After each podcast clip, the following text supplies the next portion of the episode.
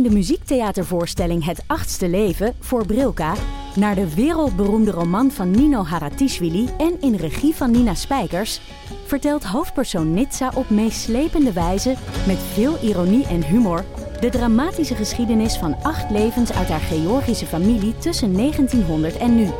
Een hartverscheurend en tegelijk troostrijk drama verteld vanuit het perspectief van vrouwen uit verschillende generaties.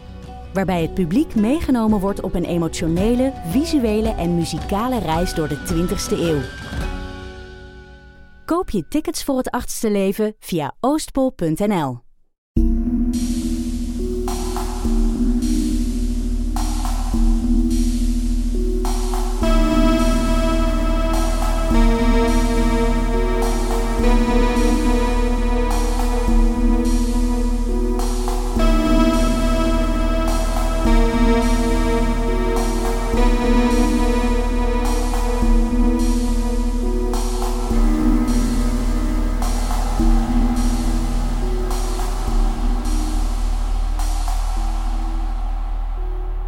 Welkom bij aflevering 82, deel B van onze Anne Frank special. Wij zijn nog altijd Laura en Silke. Ehm, ja, we hebben net aflevering 1 opgenomen, dus dat is, eh, het, het voelt niet zo lang geleden. Nee, maar ik ben hier ondertussen wel verwend geweest met eh pannenkoeken.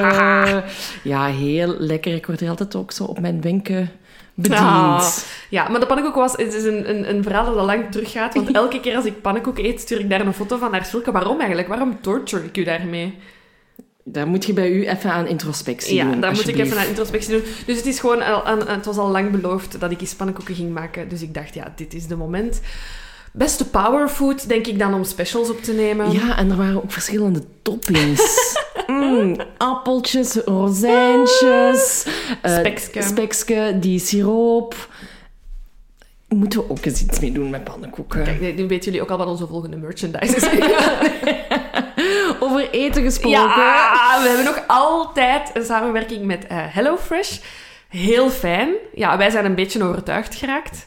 Ja, ja. Het, is, het is echt heel vreemd hoe makkelijk Ja. ik het wel niet vond om dat te doen. Want voor mij is naar de winkel gaan echt een hessel. Ik ben daar anders in Ja, dan in ja ik ga graag naar de winkel. We hebben het er echt net nog over gehad, maar ik vind dat echt time-consuming om dat te doen. En hier is het gewoon, je kiest drie recepten, je klikt aan, je zegt, dan wil ik dat dat komt. Mhm. En dat arriveert. Ik was ook enorm verbaasd over inderdaad. je moet dan, ze zeggen dan, ja, het komt donderdag tussen eh 1 en 6 of zo. Ehm, en maar we gaan het nog specifieren. En ik dacht, ja, zal wel. Gaat zo gelijk B-post zijn Ja. van heel de dag thuis wachten Ja. op je pakketje en dat komt niet. Maar effectief, die ochtend zo, ja, we gaan er rond drie uur zijn en daar kan een half uur speling op zitten. En even af, de Tom was daar om Ja, drie Tom, uur. hè? Ja, ook er kwam zo Tom is onderweg. Ehm, en die reed dan, de, want had het dan bij mij op het werk laten toekomen. Die reed de parking op van, van, van, van, ons bureau. Dus ik zag die camionet al van HelloFresh. Dus ik laat buiten. Die mens was zo vriendelijk. Dat was ook gewoon... Allee, ik, ik, ik wil geen kritiek geven op zo pakjesbezorgers. Want ik weet dat die een stressvol leven hebben. En ik zou het niet willen doen. Maar de Tom, die nam zijn tijd. Echt, ik weet niet, Tom, als je luistert. Dit was zo aangenaam. Die was ook zo... hey, hallo, hier is uw box. Gaat het lukken? Moet ik hem, moet ik hem helpen dragen in de auto? Steek ik zo... Nee, komt goed, dank u. Ja, dus het was echt top. Dus ik werd al vrolijk van het feit... Ja, hoe snel en efficiënt dat dat... Dat zijn dingen die ik heel graag heb als alles efficiënt en vlot loopt. En dat ging zo, dus dat was nice. Ik waardeer dat ook heel erg. Voilà. Dus als je zoiets hebt van, eh, ja, ik wil het leven dat zij leiden. we hebben nog altijd onze kortingscode. Dat is Hello Volksjury 75. En daarmee krijg je 75 euro korting op je eerste vier boxen. Hey, dat is de moeite. Dat is zeker de moeite. Probeer het eens. Ja, probeer het echt. Geef het een kans. Wij waren maagden. We zijn ontmaagd door HelloFresh. en het viel wel mee. Het heeft geen pijn. En kut. We zijn nog steeds bezig aan onze Anne Frank eh, special. We hebben in het eer- de eerste aflevering eh, heel erg veel gesproken Ja. over ja, de aanleiding van Wereldoorlog 2, over eh, ja, Adolf Hitler en hoe dat hij aan de macht is gekomen, over het onderduiken, de jodenvervolging. En nu gaan we daar eigenlijk één specifiek voorbeeld uit pikken. En dat is uiteraard het wereldberoemde verhaal van Anne Frank. Mhm. In deze aflevering gaan we eigenlijk een beetje de families schetsen die in het achterhuis hebben gezeten. eh, het leven in het achterhuis. ehm, hoe dat ze uiteindelijk ja, Gearresteerd. zijn. Ja. eh, en wat de nasleep is geweest, of de gevolgen van Ja. hun arrestatie Ja. zijn geweest voor de levens van de mensen die hierbij betrokken waren. Ja. Ehm, Ja, ik wou even, het nog eens even hebben over onze research. Hè? Ja. Want dat is, ehm, eigenlijk de special is iets... eh, het, het leuke daaraan is dat we echt er kunnen induiken. eh, dat we onze tijd daarvoor pakken. Dat we eh, meerdere bronnen kunnen raadplegen. ehm, en ik had als kind eh, het, het Achterhuis al gelezen, maar je hebt het opnieuw gelezen. Ja, ik, ik had het eens gelezen toen ik twaalf was, Ja, denk ja, ik. Eh, ja. En eh, ja, ik heb het nu dan opnieuw gelezen. En het is... Oh, het kroop echt onder mijn huid, omdat je weet wat er gaat gebeuren. En er is Mhm. gewoon geen vuiltje aan de lucht. Allee, ik bedoel, eh, gezien de omstandigheden. Ja, ja, ja. Ehm, er zijn hier en daar wel wat, wat schrikmomenten. Mhm. Maar het stopt Ja, abrupt. Ja, inderdaad. Ehm, en we hadden eigenlijk plannen om het Anne Frankhuis te gaan bezoeken. Maar jij hebt het digitaal bezocht. Ja, ja was eh, heel leuk. Heel eh, verrassend grappig ook wel. Ja. En dat was dan via een, een, een Microsoft Teams Ja. Eh, meeting. Eh, dus dan zaten we eigenlijk, denk ik, met 25 man en een gids in zo'n meeting. Ja. En eh, de gids had als achtergrond de grachten van Amsterdam. Oh, schitterend. heerlijk, ja. En ik vond het wel echt een, een vooral voor, voor onze research, heel interessant om effectief ehm, het achterhuis te zien, ook al was het dan via de digitale tour. Ja. Want ik was wel het boek aan het lezen en ik dacht, het is moeilijk om het u te visualiseren ja. soms. hè. We gaan straks ook een poging doen Ja. om het uit te leggen. Ja. Mhm. Eh, maar je kunt altijd op de website van, Anne, van de Anne Frank Stichting ook eens gaan kijken als, het, eh, als het niet uitgelegd krijgen. Ehm, en ja, die man heeft een uur verteld. Ik heb uiteraard ook vragen gesteld hè, over Mhm. hè, het verraad en dergelijke. En ik had mijn vragen gesteld en ehm, heel veel mensen hadden hun camera uitgezet. Ik was zo flink geweest om mijn camera aan te laten staan. Mhm. En ehm, de volgende die een vraag stelt is een meisje van vijf. Wat was haar vraag? Ehm, of, dat, of dat er ook huisdieren waren. En, en ik zou serieus vragen over het verraad van. Ja. Frank. Had ze ook huisdieren? Ook een heel leuke vraag. En eigenlijk zijn er nadien alleen nog maar kinderen aan bod.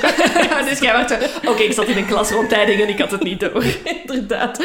Maar wel heel leuk dat ze op die manier geprobeerd hebben om Mhm. het, het museum toch in leven te houden, om het zo maar te zeggen, tijdens Ja. de, de coronapandemie. Eh, dat ze op zo'n manier een alternatief hebben kunnen bieden eh, om het verhaal zo Ja. bij Anne Frank eh, te brengen. Maar het was een, een, een, een heel leuke ervaring, zo op een namiddag, zo'n Ja. uurtje voor mijn computer, koffietje erbij Ja, en ja, toch wat notities genomen, Ja, ja, uiteraard. uiteraard. Flinke leerling. Ja, ik, heb, ik had het gezegd, denk ik, in Losse hè. Dus ik heb een beetje gegoogle maps door Amsterdam. Ehm, ja, enerzijds het achterhuis en dan zo een keer gekeken van rondom rond. Wat is er daar? Wat is er daar te zien? Eh, ook de plekken waar dat ze dan naartoe zijn gebracht na hun arrestatie. Zo een keer zo, hoe lang is dat? Ehm, en dan, ja, we weten dat ze uite- uiteindelijk gedeporteerd worden hè, naar, ehm, naar vernietigingskampen. Zo een keer gekeken hoe ver dat, dat was, hoe lang dat, dat transport... Zo Wauw, alles zo ja, een keer ja, ja, ja. gevisualiseerd. Ehm, zelfs zo een keer gedaan, zo van Amsterdam naar eh, Auschwitz is er nog een treinverbinding. Om zo eens te checken van hoe, Ja. allee, hoe, hoe liep dat, hoe lang duurt dat, geraakte daar nog vandaag met een trein. Ehm, ja, ik- dat was goed om het zo allemaal eens te zien Ja, absoluut. op kaart. En, en, eh, en ja, om Amsterdam ook zo eens te bekijken, zo, ja, met echt zo'n doel van, daar hebben mensen gezeten... Hoe was dat? Hoe ziet je die? Ehm, Ja. ik, vond het, eh, ik vind het jammer dat we er niet zijn geraakt. Nee, inderdaad. Maar er Ehm, staat, ik ben echt heel erg dankbaar voor de schat aan informatie die ze beschikbaar stellen op hun website. Dus Ja. dat is ook voor deze aflevering het merendeel van onze Absoluut. bron eh, Ja. geweest. Ja, Ja. Inderdaad. Ja, fijn. Laten we eraan beginnen. Ja, dus deze aflevering gaat een beetje het ja, ontdekken van de personages zijn. Hè. Ja. Ehm, we zullen daar eens eh, mee beginnen. Met als eerste ja, het, eh, de pater familias, eh, Otto Frank. Geboren in 1889 in Duitsland. En zijn gezin is eigenlijk waar hij in wordt geboren, is liberaal-joods. hè. Dus zij volgen wel nog de tradities en de feestdagen, maar niet echt de godsdienstige eh, wetten. Dus het is een, liberaal gezin. In eh, de Eerste Wereldoorlog gaat ehm, Otto Frank in 1915 in dienst. Ehm, en hij analyseert daar eh, vijandig artillerievuur van waar dat, dat precies uh, komt. Hij eindigt de oorlog als luitenant en hij krijgt uh, zelfs een onderscheiding. En na de oorlog keert hij uh, terug um, naar Duitsland en gaat hij in dienst bij de bank van de familie. Um, dan ontmoet hij Edith, de mama van um, Anne en Margot. Zij wordt in 1900 geboren in het Duitse Aken. Haar ouders hebben daar een groot familiebedrijf. Daar heeft ze zelf ook een beetje gewerkt. Um, en hun ontmoeting is echt als in een film eigenlijk. Hè? Uh, dus, dus Otto en Edith uh, komen elkaar voor het eerst tegen op een verlovingsfeest. Zij is een vriendin van de vrouw die trouwt en... uh, die vrouw dat trouwt is dan uh, gelinkt aan de broer van, van, van Otto Frank. Um, en de tweede keer dat ze elkaar ontmoeten is in het Italiaanse. Ja. Sanremo. Ze zijn daar samen op vakantie. De vonk slaat over en twee maanden na die vakantie trouwt het stel in Aken op 8 mei 1925. Um, uiteindelijk, uh, vier dagen later trouwens ook nog in de synagoge. Dan is um, Otto Frank 36 jaar oud. Ze verhuizen naar Frankfurt am Main en daar wordt op 16 februari 1926 hun eerste dochter Margot geboren. Uh, dus zij wordt geboren in Frankfurt am Main. Um, wat weten we over haar? Er is een babyboek waar dat Edith alles in noteert. Uh, haar eerste woordjes, eerste stapjes. Uh, de schoolcarrière van Margot weten we ook uit de dagboeken van Anne Frank dat het een hele slimme, intelligente jonge dame is. Uh, altijd goede punten. Um, en zoals we hebben gezegd, verhuist de familie Frank in um, ehm, 1933 al van Duitsland naar Nederland. En zij zitten in die eerste um, migratiepiek.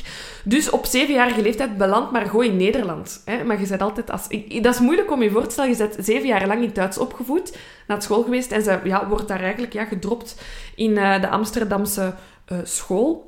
Maar ze doet het daar ook weer heel goed. Haar punten gaan heel snel uh, omhoog.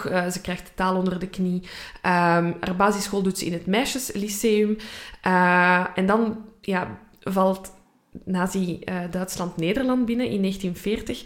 En moet maar gewoon na de zomervakantie uh, verplicht naar een Joodse school. Dus mag ze niet meer naar, het meisjeslyceum. En daar zijn getuigenissen van uh, dat haar vriendinnen uit het lyceum zeiden dat maar gewoon nog regelmatig na de schooluren dan met haar fiets van dat Joods lyceum naar het meisjeslyceum fietste om oh. haar vriendinnetjes te zien. Um, ja, dat is ook zo een van de regels. We hebben dat nu niet in de vorige aflevering gezegd, maar ja, dat je niet meer naar gewoon de gewone school mocht. En je maar... moest ook niet meer fietsen nee, en zo. Ja, hè, ja heel, heel, heel heel raar. Maar ook uh, haar eerste rapport in de Joodse uh, school, en dat ze op 3 juli 1942 krijgt, is uh, een prachtig rapport. En we weten 3 juli slechts twee dagen later uh, komt hij een brief, hè, uh, mm -hmm, waar dat mm -hmm. we de vorige aflevering mee zijn geëindigd. En in 1929 uh, wordt uiteindelijk Anne Frank geboren op 12 juni. Zij wordt ook nog in Frankfurt geboren. Um, maar ja, Anne verhuist eigenlijk um, pre-schoolperiode naar Amsterdam. Vier, ja, ja. ja. Uh, dus zij ja, wordt eigenlijk onmiddellijk naar een Nederlandse school gestuurd en heeft daar direct ook de taal geleerd. Um, en we weten dat ze op haar dertiende verjaardag, dat is nog voor ze ondergedoken zit, haar dagboek cadeau krijgt. Ja, en dat is natuurlijk hè, de, de, start. start. De start oh. van dit alles. Ja, uh, wat ik nog wil zeggen over de geschiedenis van, van de familie van, uh, van Anne Frank, is dat hè, inderdaad ze, allee, het soort van bedrijf dat, dat Otto opricht en dergelijke. Um, Even kijken. Hij, uh, Otto richt een nieuw bedrijf op, een handel in uh, pectine. En als ik mm -hmm. het goed heb, is dat om ja, confituur en jam mee te, te, maken. te maken. Ja, ik heb, ik heb online een, een, reclame gevonden. Een hele mooi getekende reclame van het bedrijf met zo, ja, echt zo ponte kindjes die aan het ah, stappen ja, ja, ja, zijn. En dan zo, uh, met ons maak je jam in een uur tijd of zo. Dus uh, ik denk dat dat een soort van bindmiddel moet zijn. Ja, ja, ja. En dat, dat is nu zie ik zijn, zijn tweede uh, bedrijf. Zwat, hij heeft in ieder geval twee bedrijven. Mm -hmm. Het tweede noemt hij Pectacon.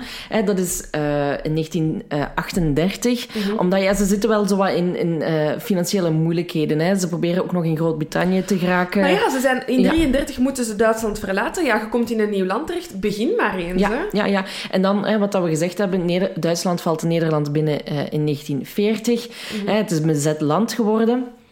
En... Um, ja, even kijken. Um, er worden eigenlijk heel veel vrienden van, van Otto hè, en kennissen eigenlijk al gewoon opgepakt tijdens die razzia's. Uh, en ja, hij ziet de ene, het ene overlijdensbericht na het andere binnenkomen. Mm -hmm. En hij probeert, hè, net zoals vele anderen hebben geprobeerd, om in de Verenigde Staten te ja. geraken. Net zoals de broers van Edith, om aan die jodenvervolging te ontkomen.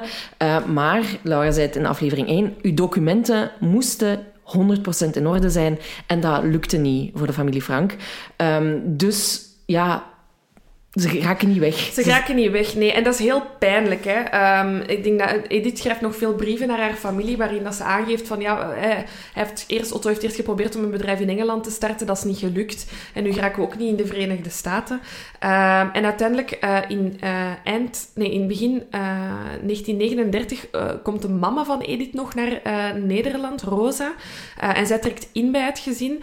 En ze proberen dus echt iedereen te samen naar Amerika te krijgen. Maar wanneer dat dan duidelijk wordt dat dat niet lukt, um, ja, beginnen ze te kijken naar, naar andere opties. Maar ja, ze zitten natuurlijk met die hoogbejaarde moeder uh, die bij hen zit. Uh, maar zij zal uiteindelijk sterven in uh, het voorjaar van 1942, dus nog voor de Mhm. familie zal uh, kunnen onderduiken. Ja, en omdat ze niet weggeraken, um, besluit Otto wel al van ja, we moeten iets anders verdienen. We gaan onderduiken, we gaan een schuilplaats inrichten mm-hmm. uh, in een leegstand deel van mijn bedrijf. Hè. Ja. En hij doet dit samen met Herman van Pels en dat is een van zijn medewerkers. Ja. Ook uh, belangrijke familie in, het, in, in, in de geschiedenis, verhaal, in het ja. verhaal. Dus we gaan het ook even hebben over de familie van Pels. Herman van Pels, uiteraard ook een Joodse man, wordt op 31 maart 1898 geboren in de Duitse stad Osnabrück. Um, ja, hij heeft natuurlijk wel een Nederlandse naam, Mhm. hè, want uh, de familie langs de kant van zijn vader komt uit Nederland. Mhm. En daardoor heeft Herman ook de Nederlandse nationaliteit, wat Ja. wel van pas kan komen. Uh, in 1929 trouwt hij met Auguste Reutgen. Uh, zij is in, ook in 1900 geboren. En bij hen is het eigenlijk niet bekend hoe dat ze elkaar hebben leren kennen. Nee. Um, maar door dat huwelijk krijgt Auguste ook de Nederlandse nationaliteit. Ah, ja, okay. ja, En dan één jaar na hun huwelijk wordt hun zoon Peter geboren. En um, de familie beslist eigenlijk in 1937 van oké, okay, nu moeten wij hier ook weg. Um, want ja, net zoals de familie Frank hebben zij zoiets van ja, hier is gewoon geen toekomst meer ja, mogelijk heb, voor ons. Ik heb hè? ergens gelezen dat zij bij hun de aanleiding die kristalnacht is geweest. Ah ja, kijk. Ja. Dus dat zij een pakje later zijn verhuisd. Maar ja, effectief, ja, dat is een duidelijk signaal om te vertrekken. Hè? Ja, en in de daaropvolgende jaren komen ook de papa van Herman, de broer en drie zussen naar Amsterdam. Mm-hmm. En eigenlijk ja, komen zij toevallig vlakbij de familie Frank uh, te wonen. Hè. En Herman heeft het idee om samen met zijn schoonbroer nog een zaak in textiel op te richten. Maar uh, ja, hij leert dan Otto Frank kennen uh, in 1939 en gaat voor hem werken. En dat vind ik echt geniaal. Hij is expert in de vlees- en worstkruiden. Ja, sorry, essentieel. Ja, Otto kan zeker zo iemand wel gebruiken, staat er dan op de website van Anne Frank. Uh, omdat ja, Pectacon uh, ook ja, handelde in kruiden en specerijen. Dus ja. naast dat bindmiddel ja. zijn kruiden uh, ook essentieel. Um, en dan, ja, we hebben het er al over gehad. Krijgen ze, hè, ze zijn aan die schuilplaats bezig, Otto en Herman. En dan komt opeens die brief voor Margot. Ja, dus eh, gewoon even... Ja, die zijn letterlijk nog geen tien jaar in Nederland. Hè, hun, hun veilige haven op dat moment. Waar dat ze uiteraard... Ja, ze proberen natuurlijk, wel verder te geraken. Maar ondertussen hebben ze daar een leven opgebouwd. Ja, een groot bedrijf gestart. Dat, dat, dat was hun leven. Hè. Um, uiteraard, het is geen... geen het is, de familie volgt natuurlijk wel de nieuwsperikelen. En ze hebben zoiets van... Oké, het gaat hier niet goed. Um, dus eigenlijk begin 1942 is Otto al met het idee gekomen van... Oké, er gaat een moment moeten zijn, denk ik, dat we gaan moeten onderduiken. Um, en ze zijn zich daarop aan het voorbereiden. De familie van Pels, um, Herman van Pels, is daar ook bij betrokken. Dus Otto en Herman waren wel bezig van... Oké, we kunnen dat in dat achterhuis doen. Maar op het moment dat die brief komt, op 5 juli 1942 waren ze totaal niet klaar. Nee. Uh, ze waren daar niet op voorbereid. Ja, dat is natuurlijk... Je voelt dat wel komen, maar je denkt niet dat je bij die eerste duizend... Dat is, dat is niks, duizend. Ja. Hè? We weten dat er 28.000 Joden zaten ondergedoken. Wat zijn die eerste duizend? Dat is Inderdaad. Niks. En wat dat ik nog onthouden heb uit het, uit het dagboek van Anne Frank... Is dat zij eens dan in het achterhuis zitten opschrijft... hoe dat die dagen ervoor ja. zijn verlopen. Dat Otto nog tegen haar een gesprek voert van... Kijk, het leven zoals we het nu kennen gaat veranderen. binnenkort veranderen. Ik weet niet wanneer, maar het kan. En mm-hmm. effectief twee, drie dagen later ja. was het al zover. Mm-hmm. Ze hadden het totaal niet verwacht. Nee. Nee, nee, nee, want dus ja, we weten dat in alle stilte Otto en Herman, we weten daar niet veel over, maar we weten dat er wel al wat meubels stonden. Ja. Ehm, we weten dat, die, eh, dat de doorgang eh, tussen alle verdiepen een beetje was afgesloten, zodat er maar één weg was om in het achterhuis te geraken. Ehm, maar ja, het was nog niet helemaal ingericht. Er was nog geen systeem uitgewerkt met hoe gaan wij aan eten geraken. Ehm, een, een deel van de medewerkers die dat ze wouden als helpers, die waren wel al op de hoogte, maar het stond gewoon nog niet on point, zeg maar. Nee. Ik heb een kleine geschiedenis van het achterhuis zelf, allee, van het, het pand eigenlijk, waarin dat ze gaan onderduiken. Ehm, dus het adres van het achterhuis, het achterhuis zelf is ehm, onderdeel van een, van een groter geheel. Hè. Ehm, en de geschiedenis daarvan start in 1585. Het is de bloei Way van... back. Ja, way back. Het is de bloei van Amsterdam. Het is een, eh, ja, dat, dan, hoe zeg je dat, de Gouden Eeuw hè, voor de Nederlanden. Er is wereldhandel, je hebt de koloniën waaruit eh, eh, Nederland veel ja, inkomsten krijgt. En het aantal inwoners in Amsterdam groeit van, van 50.000 naar 200.000 inwoners op minder dan 60 jaar tijd. Ja, dus die groei in de Gouden Eeuw ja, vraagt om bouw van, van panden. Hè. En Amsterdam, voor mensen die er al geweest zijn, eh, bestaat uit grachtengordels. Eh, dus in, rond de binnenstad heb je eigenlijk allemaal kleine grachtjes en die werden gebruikt om het vrachtvervoer ehm, te verplaatsen. Hè. Dus in de binnenstad, al die huizen dat daar staan, zijn eigenlijk, waren voornamelijk handelspanden waarin dingen werden opgeslagen. Maar ja, die bevolking groeit en groeit en groeit. Dus er moet ook woonruimte bijkomen. En zo ontstaat in 1635 Prinsengracht 263. Het is een woonhuis naast twee pakhuizen. De grond aan de Amsterdamse gracht is heel gewild, dus je ziet heel veel smalle gebouwen, maar die wel diep gaan. En om meer woon- en werkruimte te creëren, ehm, wordt er in de achtertuin van de huizen die er dan al staan, ehm, een soort achterhuis gebouwd. Dus het is eigenlijk echt alsof dat je een, huis, ja, een, een rij huizen hebt. En in de tuin van je huis staat Nog een huis. een tweede huis. Ja, wat ze natuurlijk wel deden, was ehm, een, een stukje open eh, laten binnenplaatsen, zodat je wel ramen had aan het achterhuis. Ehm, het was dan vaak de bedoeling dat je ofwel woonde in het achterhuis, of dat je het gebruikte als extra opslagruimte. In 1940 eh, huurt Otto Frank het hele pand, dus voor- en achterhuis, eh, van de eigenaar. Ehm, en op dat moment waren de, eh, werd het achterhuis volledig gebruikt als opslagplaats. dus je hebt eh, gaan we een, een, een soort van tour van het huis proberen te beschrijven hoe het Ja, eruit dat is ziet? goed. Oké. Wacht, en dan ga ik even naar eh, hier. Ehm, dus er zijn verschillende kamers Ja. ehm, in, het, in het achterhuis.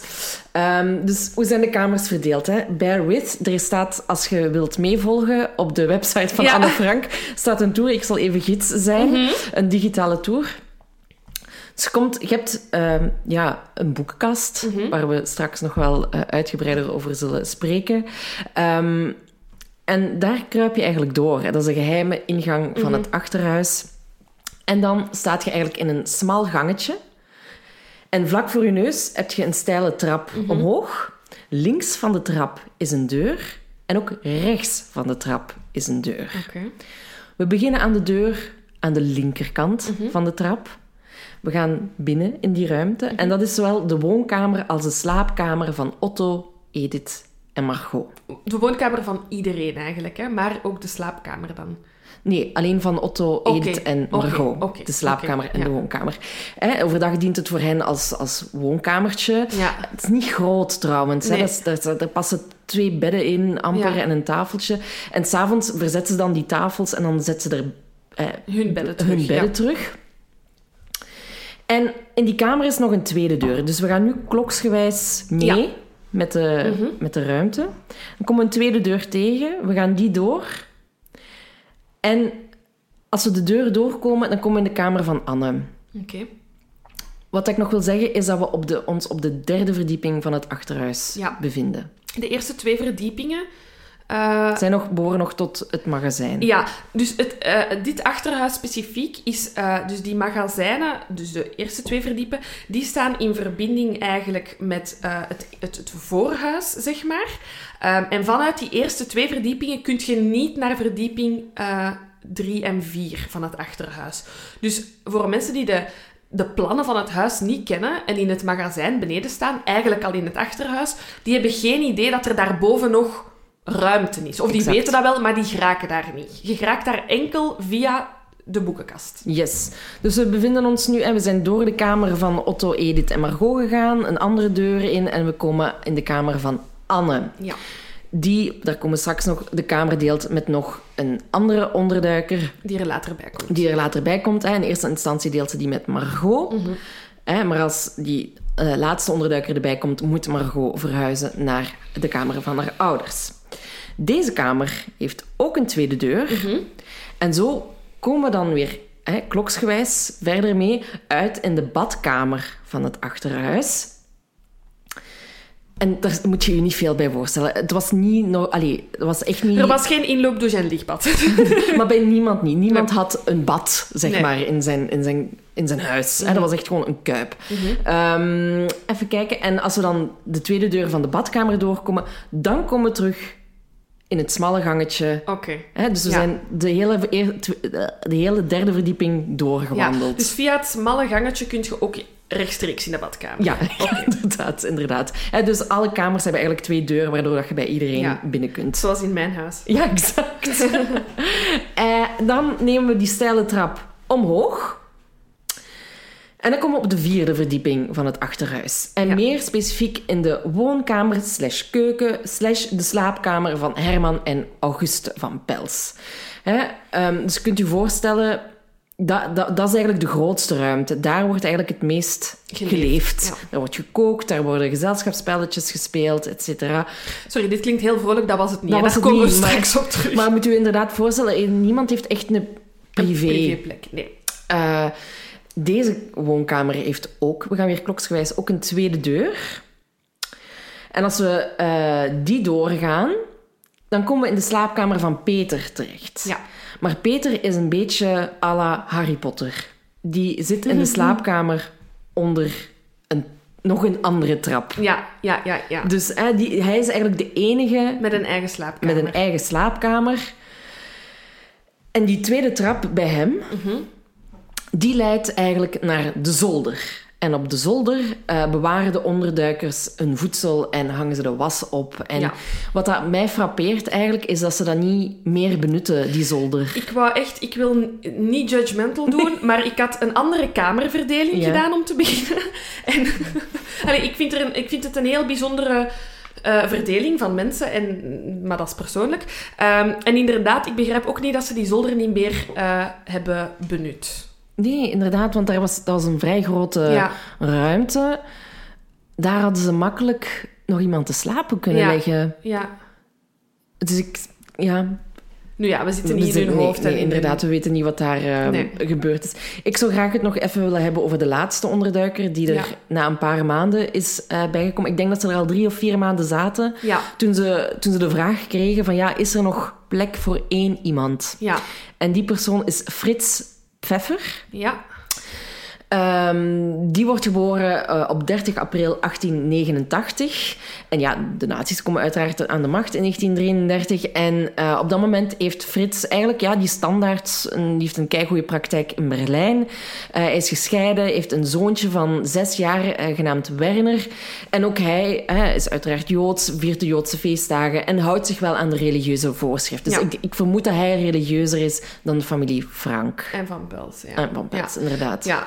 En ehm, ook hij beslist eigenlijk na de kristalnacht. Hij heeft dan ondertussen wel een, een nieuwe eh, vriendin, Charlotte. Vluchten ze weg uit Nazi-Duitsland, ook naar Nederland.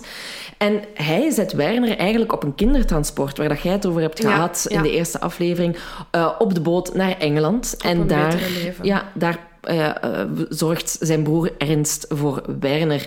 Ehm, en hij leert Otto eigenlijk kennen omdat hij de tandarts wordt van een van de helpers Mhm, van eh, hè, de onderduikers. En eh, die ook medewerkster is bij Otto Frank. En ehm, ja, die- we hebben het nog niet gehad over de razzia's Ja. uitgebreid. Hè, maar Ja. er, er vinden op bepaalde momenten echt ja, razzia's plaats, waar daarbij heel veel mensen worden opgepakt. En Frits heeft zoiets van, Dit is niet goed. dit is niet goed. En die zegt, ik wil ook onderduiken. En hij vraagt aan zijn cliënten, die dan Otto kent, van ja, weet jij een plek? Ja. Eh, en eh, ja, ze hebben eigenlijk zoiets van, eh, ja, weet je, wat, wat gaat die één persoon extra nu nog uitmaken? Nee, Uiteraard willen we iemand helpen. Ehm, En hij zegt aan, aan, zijn, aan zijn huisbaas, hè, Frits zegt aan zijn huisbaas, dat hij in het ziekenhuis moet opgenomen worden. Want ja, natuurlijk worden daar vragen gesteld. Ja, Als jij zomaar opeens weg bent, Ja. van waar gaat jij naar... Allee, dan, dan, is het niet, dan spreekt het al voor zich dat je ondergedoken bent als je geen verklaring Plan hebt. hebt, ja. En daarom is hij ook mega verbaasd als hij opeens de familie Frank tegenkomt. Want de familie Frank heeft iedereen wijsgemaakt dat ze in Zwitserland zitten. Ja, En opeens zitten die in het achterhuis. En ondergedoken. ondergedoken. En Frits heeft zoiets van... Je zit gewoon in je eigen bedrijf Ja, ondergedoken. Waanzinnig idee. Ja, waanzinnig Maar- idee. Ja, en, en dus die, die zijn mond valt echt op de Ja. grond eigenlijk. Ehm, en ik wil nog even zeggen, Charlotte... Ja, eh, dat, dat, ah, was- dat, maar. is exact wat ik... Nee, ik was gewoon zo, we mogen we niet vergeten. Ja, want eh, we, we, eh, Silken heeft het al gezegd, Charlotte heeft een vriendin, Charlotte. Maar zij is katholiek, dus er is voor haar ehm, geen gevaar. Dus zij hoeft niet onder te duiken. Ehm, en zij zal nooit weten waar dat Frits zit. En het is blijkbaar echt ja, op enkele honderden, tweehonderden meters dat zij eigenlijk woont.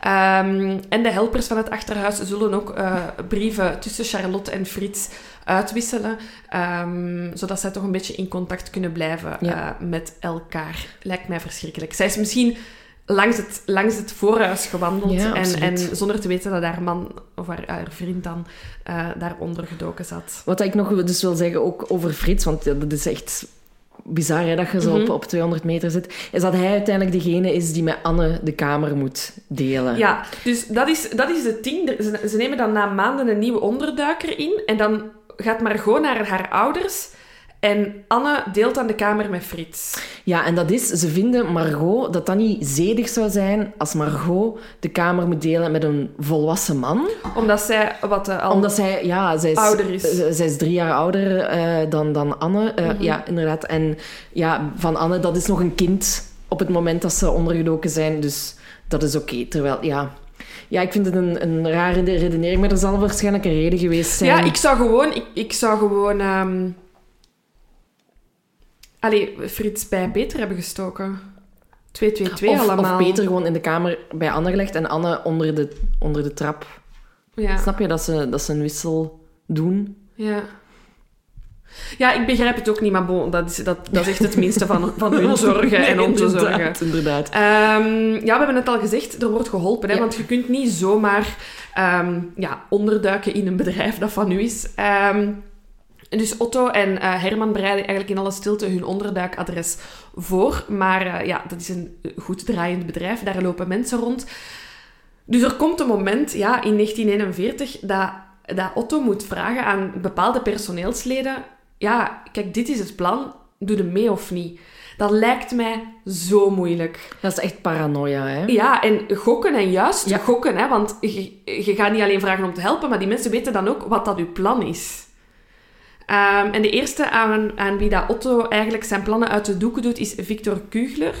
Ehm, hij komt in 1933 in dienst bij Otto. Ehm, en hij, is, hij heeft eigenlijk al als hulp gediend. En ik vermoed dat dat de reden is waarom dat hij hem als eerste in vertrouwen heeft genomen. Er is een moment geweest dat dan eh, er een boycott kwam op Joodse bedrijven. En Joden mochten geen eh, eigenaar meer zijn van een bedrijf. Eh, dat was bijna van de ene dag op de andere. Dus ze hadden ook niet de kans om snel iemand nieuw eh, te zoeken. Ehm, en dus als uw bedrijf van in Joodse handen was, dan ging het automatisch eigenlijk naar de nazi's. Mhm. Ehm, maar Victor is dan heel snel, snel, snel directeur kunnen worden van het bedrijf. Ze hebben een nieuwe bedrijfsnaam opgericht, Gies Co, eh, waar hij dan directeur van wordt. Eh, dus Otto weet ergens wel ja, dat Victor te vertrouwen is, want hij heeft heel snel gezegd, ja, is goed, ik neem het bedrijf wel over. Jij blijft officieel, allee, onofficieel de leiding hebben, eh, maar ik zal wel het gezicht zijn. Dus in eh, het voorjaar van 42 z- zegt Otto tegen Victor van kijk, eh, dit is wat wij gaan doen. We gaan met twee gezinnen in het achterhuis het leegstaande gedeelte van het bedrijfspand onderduiken. En Victor heeft er later over gezegd, ik heb geen seconde geaarzeld. Het waren mijn vrienden, ik kon ze niet laten afslachten door de Duitsers. Ehm, Victor is de persoon... ehm, die, die, die aangeeft van ik vind het achterhuis op dit moment nog te zichtbaar. Eh, en hij komt met het idee van die kast. Eh, hij gaat die kast niet zelf bouwen, dat is iemand anders. Ehm, maar hij heeft wel het idee ehm, om die ruimte eigenlijk af te sluiten, zodat je ja, echt geen deur meer ziet. En tijdens de oorlog zal hij vooral de persoon zijn die de bedrijven Opekta en Gies Co. eh, draaiende houdt. Ehm, hij is degene die kranten en tijdschriften meeneemt voor de onderduikers. Ehm, zo zal hij voor Anne Frank regelmatig tijdschrift Cinema en Theater eh, meenemen en voor ehm, Peter boekjes over militaire vliegtuigen. Ehm, hij is ook de persoon die de eh, Duitsers heeft opgevangen bij de arrestatie en de rondleiding in het pand heeft moeten geven en effectief de boekenkast opzij heeft moeten schuiven toen ze zijn binnengevallen. Heel pijnlijk. Ja, ik krijg er echt zo een steek van in Ja. mijn hart, Ja, eh, terwijl ja, ik ja. het zei. Nee, doe maar volgende. Ja, ik wil even zeggen, hè, voor de goede orde, ze krijgen in totaal hulp van zes personen. Ja, ja. Dus we beginnen nu aan eh, nummer twee, dat is eh, Johannes Kleiman. En hij en Otto go way back. They go way back. Eh, Ze hebben elkaar al leren kennen in de jaren twintig, eh, toen Otto in Amsterdam een filiaal van zijn bank eh, kwam oprichten. Hè. En ja, ze verliezen elkaar zo wat uit het oog, maar hè, als, als Otto dan beslist om te vluchten naar Nederland, komen ze elkaar weer tegen. Ehm, ah, en ik heb hier staan dat Johannes... ah nee, hij zegt dat, dat... Johannes zegt tegen Otto van... Kijk, als je een schuilplaats wilt maken, doe het dan in het achterhuis. Hè. Dus hij plant het zaadje van... Hier kunt je Ja. een goede onderduikplek eh, inrichten. Helpt ook bij de inrichting van het achterhuis. En ehm, Johannes is zo wat ehm, het aanspreekpunt, Ja. wordt er gezegd, ehm, voor de onderduikers. En dat vind ik dan zo'n mooi typisch Nederlands woord, als er calamiteiten zijn. Hè. Ehm, zo, zo krijgen ze op een gegeven moment zelfs te maken met, met vlooien. Hè. Ik bedoel, je leeft daar eh, zo samen, kort op één. Eh, en hij gaat dan bestrijdingsmiddelen halen eh, voor in het achterhuis. Ja, hij gaat zelfs op bezoek soms met zijn vrouw, die dus dan blijkbaar ook op de hoogte is in het weekend. Ehm, ja, om, om, eigenlijk om de simpele reden is dat ja, die mensen in het achterhuis hadden niemand. Hè? Ehm, dus elke kans dat er was, we zullen dat ze ook zien in eh, de dagplanning zeg maar, van het achterhuis. eh, elke kans dat de helpers hadden om, om, om even binnen te gaan eh, in het achterhuis, ja, dat zorgde wel voor wat opluchting. Dat deed die mensen heel veel goed. Maar het lijkt me wel heel moeilijk om uw vrouw en uw gezin daarbij te betrekken. Ehm, anderzijds denk ik ook, moest ik onderduikers helpen, je wilt er ook wel met iemand over ventileren. Tuurlijk. Dat is echt een burden dat je draagt op je... Ja. Alleen een last op je schouders. Ja, Hè? En dat, dat zorgt ook voor fysieke ongemakken. Eh, Johannes is echt ziek geworden. Ehm, fysiek ziek van, van de stress. De, Anne heeft daar zelf ook over geschreven, hè, dat ze daar regelmatig zagen dat hij echt ja, gepijnigd eh, was. Ehm, ik geloof dat hij uiteindelijk is gediagnosticeerd met darmkanker. Maar dat heb ik, ik heb Dat is- precies... Dat is, dat is eh, Johannes... dat is Johan, de papa van Beb. Ah, oké. Ja. Maar hij is toch ook heel ziek? Maar hij heeft ook, hij heeft, hij heeft ook maagklachten en Ah, ja, dergelijke. gewoon van de stress. Ik heb dat Ja. ook. Maar klachten van de stress. Ehm, de derde helper eh, is, is Miep Gies. Hè, Gies en Co, hè, ja, ja. de nieuwe bedrijfsnaam. Eh, Miep wordt in 1909 in Wenen geboren als Hermine Santruschitz. Ja, Geen idee of ik dat juist heb opges- op, opgezegd. Eh, en zij wordt geboren in een katholiek en arm gezin. En ja, Duitsland eh, of Oostenrijk na de Eerste Wereldoorlog zit er ook zwaar door. Er is veel schaarste. Uh, Miep raakt zelfs onder. Dus haar ouders hebben zoiets van: oké, eh, er wordt een hulpactie opgezet eh, voor kinderen in Oostenrijk. We gaan daar gebruik van maken. En in december 1920 wordt de 11-jarige Miep op de trein naar Nederland gezet om daar aan te sterken, zeggen ze. ja, en daar is ze een beetje blijven hangen. Ja, ze komt daar in een, in een heel uh, ja, in een pleeggezin terecht in, in Leiden. Um, en die, die familie verhuist in 1924 uiteindelijk naar Amsterdam. En uh, de biologische ouders van Miep, die hebben zoiets van... Oké, okay, ja, weet je, je bent nu al zo gewend geraakt aan het leven in Nederland. Blijf dan ook maar gewoon daar. Uh, uit, dus met de beste wil, ja, hè. ja, dus ja, niet het slechte wil dat ze dat beslissen. Uh, haar pleegouders gaan daarmee akkoord. Uh, ja, als ze 18 is, hè, dan wordt ze typiste voor een, een borduur- en plisseeratelier. Ja. Um, maar ja, ze wordt er dan ontslagen door de crisis, zes jaar later. En dan is het eigenlijk toevallig door haar bovenbuurvrouw die zegt van... Hey, ik weet wel iets. Um, er is daar een bedrijf van een zekere Otto Frank. Um, ik werk daar als vertegenwoordigster. Uh, misschien moet je eens met hem gaan babbelen. Die regelt een afspraak ja. met Otto. En uh, voilà, ze kan daar aan de slag. Ja. Um, en ze gaat daar eigenlijk eerst confituur maken. Ja. Ik weiger jam te zeggen. Jam. Jam. En ehm, ja, ze wordt een soort van eh, klantendienst, hè? Ja, ze heeft het eigenlijk... Het is, het is een, een, een goede confituurmaakster. En dan ehm, krijgt ze opslag, zeg maar, of ze promotie. Ehm, en dan gaat ze bij de inlichtingendienst van Opecta werken. Ja. Eh, wat, wat ik vermoed is inderdaad dat zij alle producten kent en dat mensen kunnen bellen naar hen of brieven sturen. en dan dat zij de vragen beantwoordt. Zij leert eh, tijdens haar eerste baantje nog Jan Gies kennen. Eh, met wie dat ze een relatie krijgt, met wie dat ze eigenlijk ja, in volle oorlog in 1941 eh, trouwt. Ehm, en hij... eh, wacht, hè, wat heb ik hierin opgeschreven? Ik heb die niet apart opgeschreven, of wel? Ah, jawel, jawel. Eh ja, die trouwt ehm, en die zal ook wel betrokken zijn ehm, bij de... Bij de zeg het eens, onderduik. bij de onderduikers. Omdat hij, allee, hij, eh, er zijn foto's zelfs van de familie Frank op hun trouw. Dus het is Ja. echt zo bevriend eh, met het koppel. Biep, haar taak van het onderduiken was eh, het zorgen voor groente en vlees. Anne Frank heeft daarover in haar dagboek geschreven. Miep is precies een pakezeltje die sjouwt wat af. Eh, haast elke dag heeft ze ergens anders groente opgescharreld en brengt het met grote inkopentassen op de fiets mee. Daarnaast eh, bezoekt Miep ook regelmatig de bibliotheek om boeken te Mhm. voorzien voor de eh, onderduikers. En eh, Miep en Gies gaan... Sorry, Miep en Jan Gies ehm, zullen in mei 1943 zelf een onderduiker nog in huis nemen. Echt, hun liefde Waanzin, kan hè? niet op. Ja. Eh, een student, Kuno van der Horst, ehm, die eigenlijk... eh, ja, ik vond het heel raar. Die, die val- valt onder geen enkele categorie van eh, eh, problematisch van de nazi's, maar hij wou het... ehm, de loyaliteitsverklaring van de bezetter niet tekenen. Wat betekent dus als student dat je moest ja, tekenen van ja, ik ben loyaal aan Nazi-Duitsland en dat weigerde hij te doen en daarom is hij moeten onderduiken. En Wat ik ook nog heel interessant vond aan het verhaal van eh, Miep en Gies, is dat ehm, hè, Margot krijgt haar brief en de volgende dag belt Otto meteen naar Miep en Jan. Hè, van oké, It's happening. It's happening.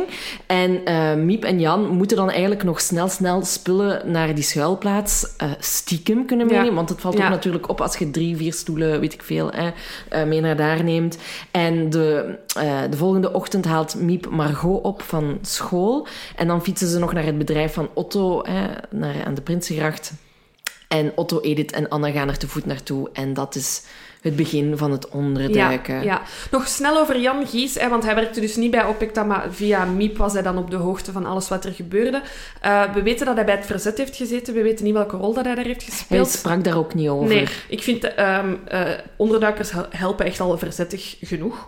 Verzetting. Ja, ja, nee, maar ik denk van, wa- had die man dan nog tijd om andere dingen te doen? Eh, ja, fantastisch.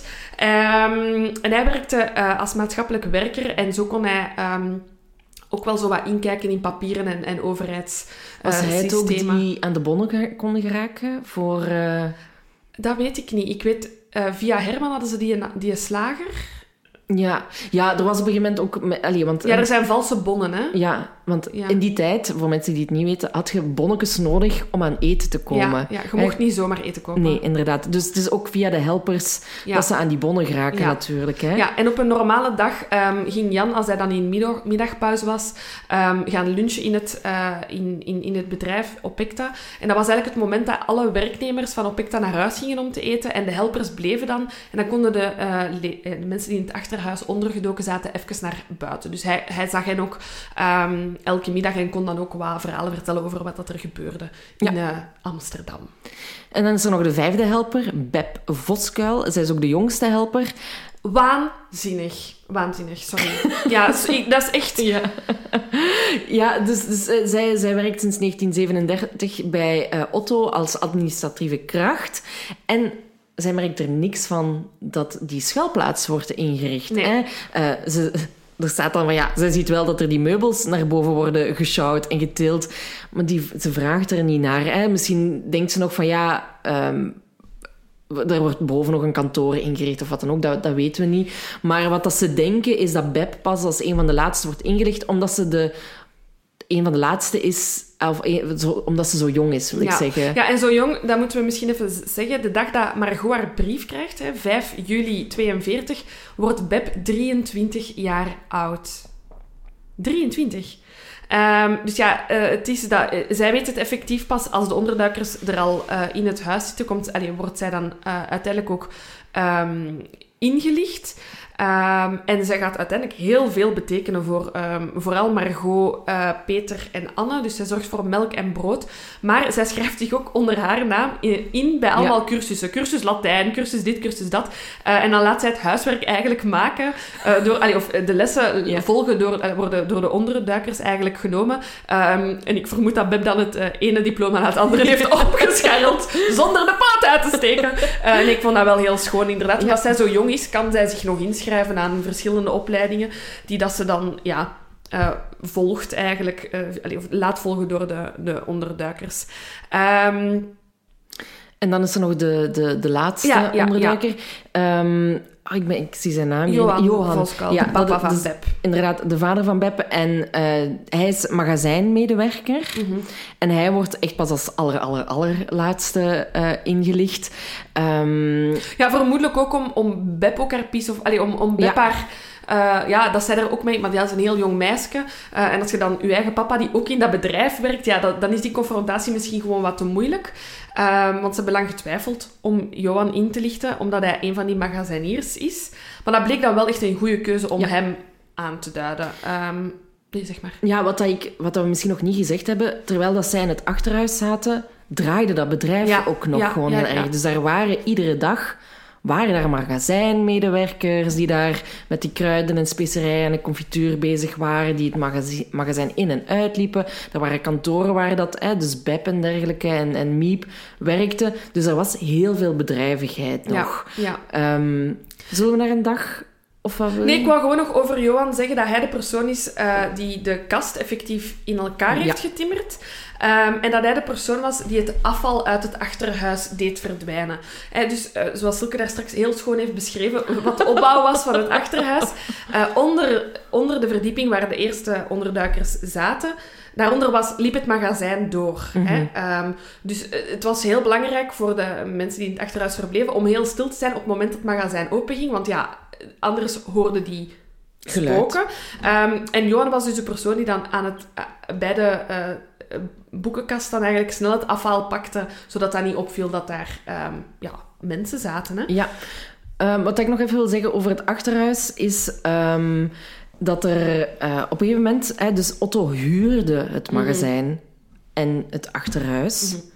Dus hij was niet de eigenaar. Ja, En de eigenaar was niet op de hoogte dat er onderduikers zaten. lijkt, lijkt me een goede hoek om dat niet te vertellen. En op een gegeven moment verkoopt hij heel het gebouw. Ah ja, het is oorlog, die heeft geld nodig. Dus heel dat, heel, al die onderduikers en helpers denken... Fuck, nu, nu is het om zeep. Ja. Ik bedoel, die, en die, die nieuwe eigenaar komt inderdaad op een gegeven moment op inspectie. Gewoon, ik Maar dus het- ook, die heeft dat bedrijf gekocht, allee, of het gebouw gekocht zonder te kijken, hè, want die komt pas na de aankoop. ja, inderdaad, binnen. komt hij komt die binnen. Hij zal gewoon Er is gedacht, geen bezoekdag geweest of zo. Toen was het eenvoudig Ja, om ja, iets ja. te kopen. Ehm, dus die, die komt daar binnen en ze komen ook aan de boekenkast. ja. Maar hij stelt er geen... Hij heeft niet door Nee. dat er nog een Achterhuis achterhuis... Dus die heeft niet, niet nagedacht... Of die heeft in de verkoopsakte niet gezien dat er dan nog een achterhuis is. Of die weet dat dat, dat magazijn nog doorloopt Ja, hè, in ja. het achterhuis, op de eerste verdiepingen. Maar hij zal dan niet geweten hebben dat er nog een paar verdiepingen extra Ja. zijn. Ah, bon, bizarre situatie, maar het komt de familie wel goed uit. Ah ja, want tuurlijk, hij komt anders- het niet te weten Nee. dat ze daar zitten. Hij is ook maar één keer geweest en Ja. dat was toen. Oh ja, dat bedrijf gaat hier goed. Oké, ça va. Oké, goede investering, wel prettig Ehm het leven in het achterhuis. Voor de record, ze hebben 761 dagen in het huis gezeten. Ehm, en Anne, Frank... ehm, dus... eh, eh, er was wel nog contact met de buitenwereld. En er is een moment geweest in de oorlog dat Wilhelmina, koningin Wilhelmina, heeft opgeroepen... Of was zij het of iemand anders? Eh, er is oproep, opgeroepen geweest in ieder geval om oorlogsdagboeken bij te houden. En op dat moment zitten ze al in het achterhuis als Anne dat hoort. En Anne beslist eigenlijk dan om haar eh, dagboeken, dat dan vaak ook nog uit los papieren bestonden. Ze besloot daarom om daar een geheel van te maken en echt één boek van te schrijven. Dat meisje was 14 jaar oud. Ik kan dit heel moeilijk begrijpen. Dat je dan zo, oké, nu maak ik een boek. Super cool. En ze heeft zo een, een, een beschrijving eigenlijk gegeven in het boek van een typische dag in het achterhuis. Zodat wij eigenlijk nu ook weten, dankzij haar goede eindredactie, hoe dat een gemiddelde dag eruit zag. Silke, zeg het een keer. Wel, om kwart voor zeven. Fucking hell. De fucking weg. En die gaat af bij, eh, dus in de woonkamer slash keuken slash slaapkamer van Herman en August. Herman zet dan twee meter verder aan de keuken de thee, het water voor de thee. Gaat dan de trap naar beneden, neemt daar, gaat daar naar de badkamer. En daar een kwartiertje bezig. Dan mag Frits binnenkomen.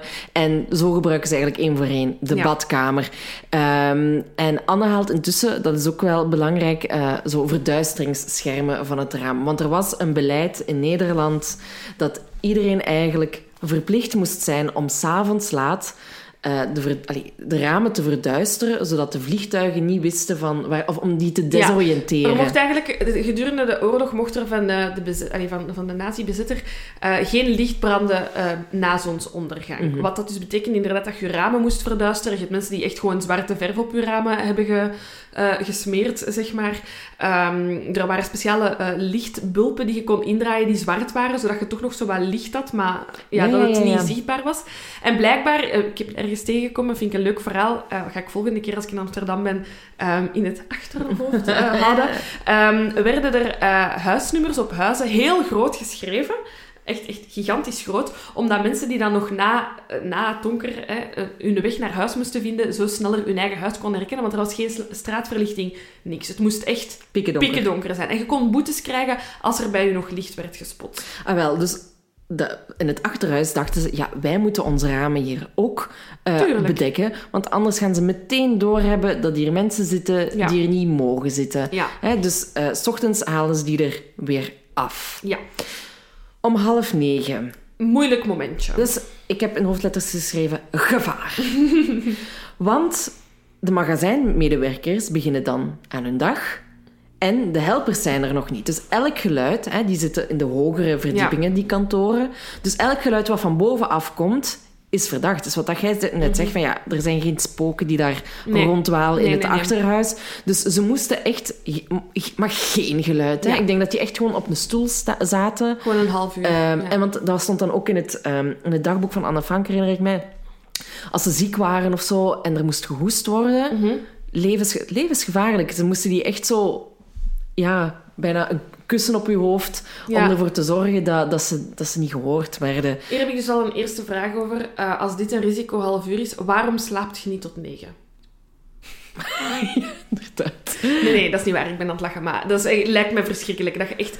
Want dat is toch... Als er iets niet mag, dan gebeurt dat al... Allee, dan gebeurt Ja. er eh, toch altijd iets. Maar inderdaad, tot negen uur moest het muisstil zijn. Na negen uur ook. Maar dan ging het iets beter, omdat er dan inderdaad eh, de kantoormedewerkers toekwamen. Die werkten op, in het voorhuis, maar op de hogere verdiepen. Waardoor dat geluid in het magazijn... Ja, dat magazijn liep door. Hè. Ehm, dus dan kon je niet echt weten van... Ah, dat is misschien geluid van... Of dat is een stoel van daar. Dus dan moesten Ja. ze stil zijn, maar niet meer zo stil. En dat waren trouwens ook zo Miep en Beb. Iedereen Ja. die er eigenlijk van, Van wist. wist, ja. Hè, dus dat was oké. Ehm, dus dan, ja, eh, de rest van de ochtend, dan ja, doen ze die cursussen die Mhm. Beb op meenam. Ze lezen wat, eh, ze maken de voorbereidingen voor de lunch en dergelijke meer. En dan om half één is het schaft. Schaftentijd voor de magaziniers. Yes, dus die trappen het af. Eh, en eh, daar hebben we het al over gehad. hè. Eh, een kwartiertje nadat de magazijnmedewerkers zijn vertrokken, gaan die ook naar het achterhuis, de helpers, om samen te lunchen met de onderduikers. Eigenlijk best wel gezellig. Dat is trouwens, ik heb, dat is iets wat ik mij afvraag. Doen mensen dat nog? Zo in de middagpauze naar huis gaan? Dat is als je vlakbij woont, hè, maar dat, dat, allee, dat zijn andere tijden. Andere tijden, ja. Maar dus al die magaziniers zijn weg en effectief, alle helpers eh, komen dan ehm, ja, de deur eigenlijk van het achterhuis open doen. Eh, degene die op de wacht blijft is Miep Gies. Zij blijft in op het kantoor voor, ja, moest er Mocht, iemand ja. binnenvallen, on- onverwacht eigenlijk. En om één uur stipt gaat de radio aan, want dan is er het nieuws van de BBC.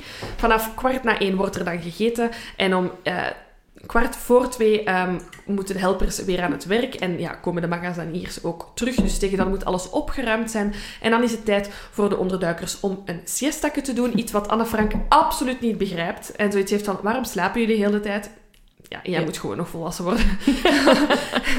ik, snap het heel goed. En zij gebruikt die tijd dan om te schrijven in haar dagboek. Exact. Dan is het vier uur. Mhm. Tijd voor koffie. Zeker. Vier uurtje. En worden ook zo de voorbereidingen voor het avondeten getroffen. Mhm. Dan om eh, half zes. Dus tot half zes, wat dat ze ook doen, zodat er geen geluid wordt gemaakt. Hè. Dus ze, ze kunnen dan wel rondlopen, omdat er kantoormedewerkers er zijn. Maar ze lopen dus op hun sokken rond. Ja. Hè. Ze gaan geen schoenen dragen, omdat dat veel te veel eh, geluid maakt.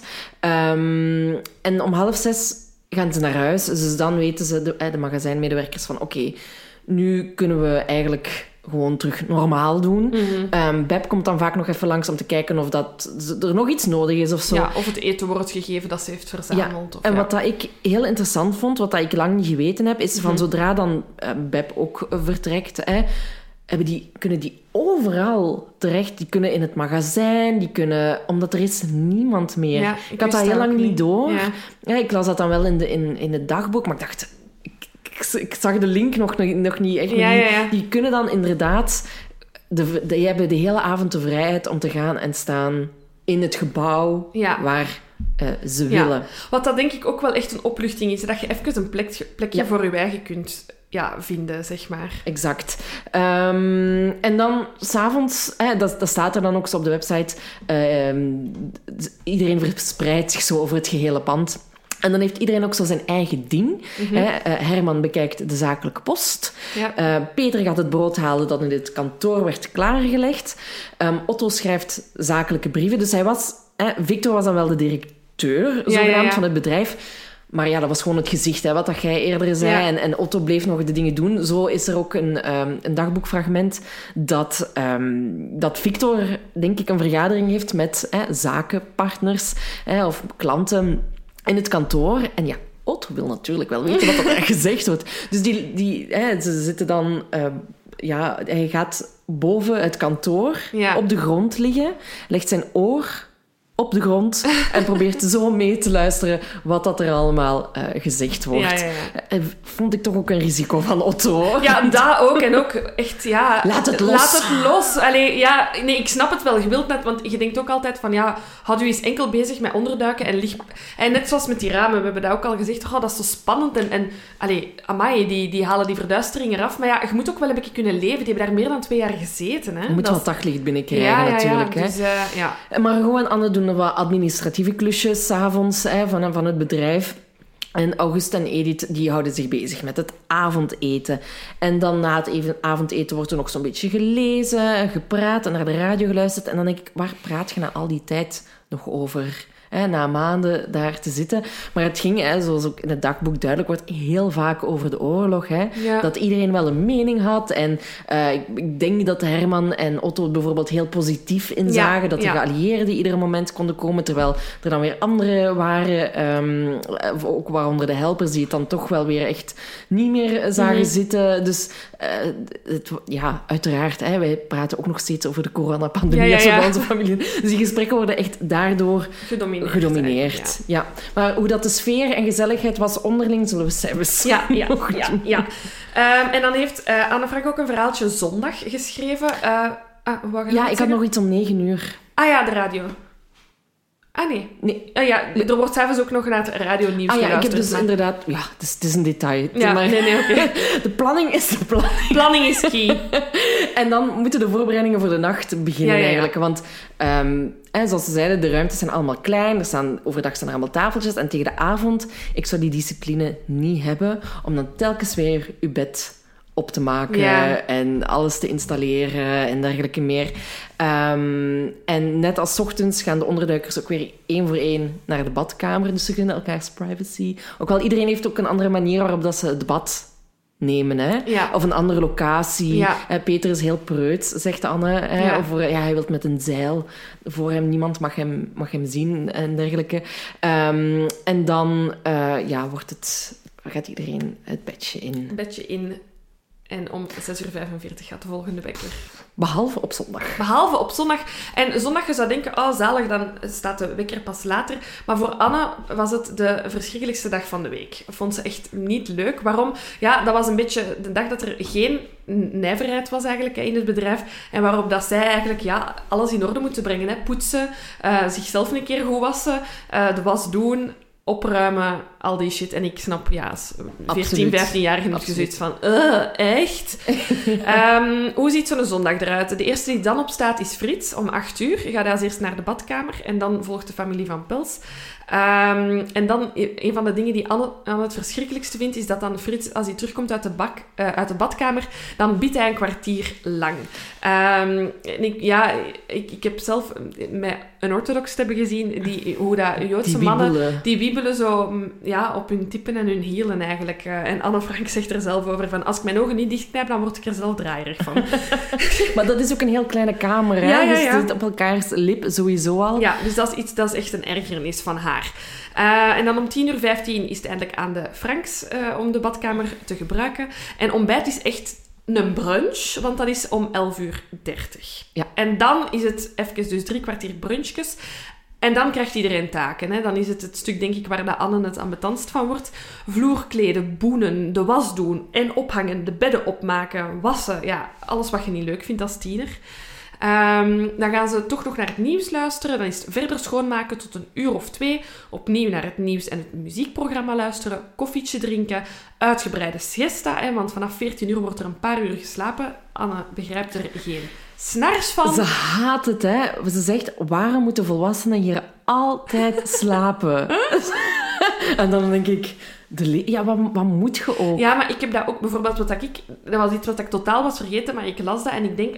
In zo'n, als ik heel veel stress heb, dan soms denk ik zo, het enige wat ik kan doen is slapen. Maar ja, De tijd gaat vooruit dan. ik heb, dat, is, dat, is, dat is nu heel toevallig, hè, maar met Novak Ja. Djokovic, hè, die daar in zo'n detentiecenter eh, zat eigenlijk, Ja, ja, ja. Hè, met, met allerlei vluchtelingen die geen visum hebben om Australië binnen te geraken. En dan heb ik het verhaal gelezen van, van iemand die daar al jaren vastzit. Maar echt al zes, zeven jaar. Oh my god, ja. En die zegt, het enige wat ik doe, ik kan, is slapen. Want ik weet niet wat ik moet doen. En ik denk dat dat hier ook een beetje het geval is om de tijd sneller te laten gaan. Ja, ja, ja. ja, ja, ja. En dat is zo'n Absoluut. schrijnend verhaal. Ja, Ehm, maar Anne snapt het niet. nee, Anna snapt het niet. Ehm, en dus dan zegt ze, ja, eh, dan, als we dan eindelijk s'avonds mogen gaan slapen, dan ben ik blij dat deze ellendigste dag van de week voorbij is. Ah, Ehm, ja, de enige getuigenissen dat we hebben over het achterhuis komen van Anne zelf. Dus we zijn wel een beetje gekleurd. Ja, want uit het dagboek van ehm, Anne blijkt wel dat de sfeer en gezelligheid matig was. Ja, volledig te begrijpen, maar matig. Ja, we gaan de persona allee, personages, hè, de, nee, de, de mensen, Ja. eh, één voor één eens af hoe dat Anne dacht over hen en hoe dat er eh, ja, gesproken werd over hen. De eerste is Edith. En wat blijkt eigenlijk al heel snel uit het dagboek. Vond ik ook heel moeilijk om te lezen dat die desondanks, of ondanks de situatie, Mhm.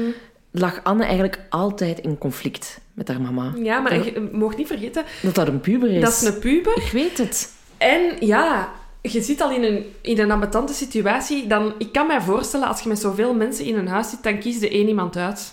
Ja. En Ja. Dan is dat de persoon ja, die dat je dus doodgraag ziet, hè, maar ook waarschijnlijk tegen haar het meest commentaar heeft of zo. En dan, ja. Ja, en Anne beseft dat uiteindelijk ook wel. Mhm. Hè. Zegt ze van, ja, ik, ik hou meestal mijn mond als ik me erger. En zij doet dat eveneens. Daardoor gaat het ogenschijnlijk veel beter. Hè, maar Otto verklaart achteraf dat Edith wel echt afzag van de Mhm. ruzies die ze had met Anne. Ehm, omdat Otto zegt, ja, ze was wel gewoon echt wel een goede moeder. Hè. Het is niet omdat Anne haar zo afschildert als een, hè, een slechte moeder Ja, dat dat ook effectief zo was. De, de kinderen gingen boven alles.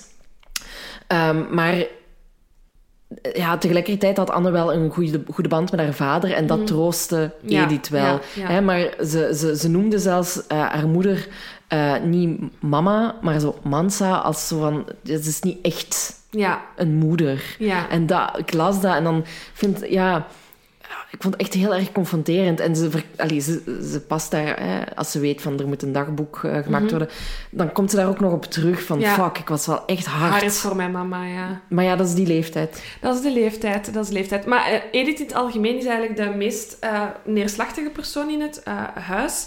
Ehm, de rest, als er op de radio een bericht is wat de positie is van de geallieerden. We weten, ehm, Otto en Herman hadden samen een, een kaart van Europa waarop dat ze de de positie van de geallieerden Ja. aanduiden van ah, ze zijn daar al en ze zijn daar al en het gaat vooruit en Duitsland gaat deze oorlog nooit winnen.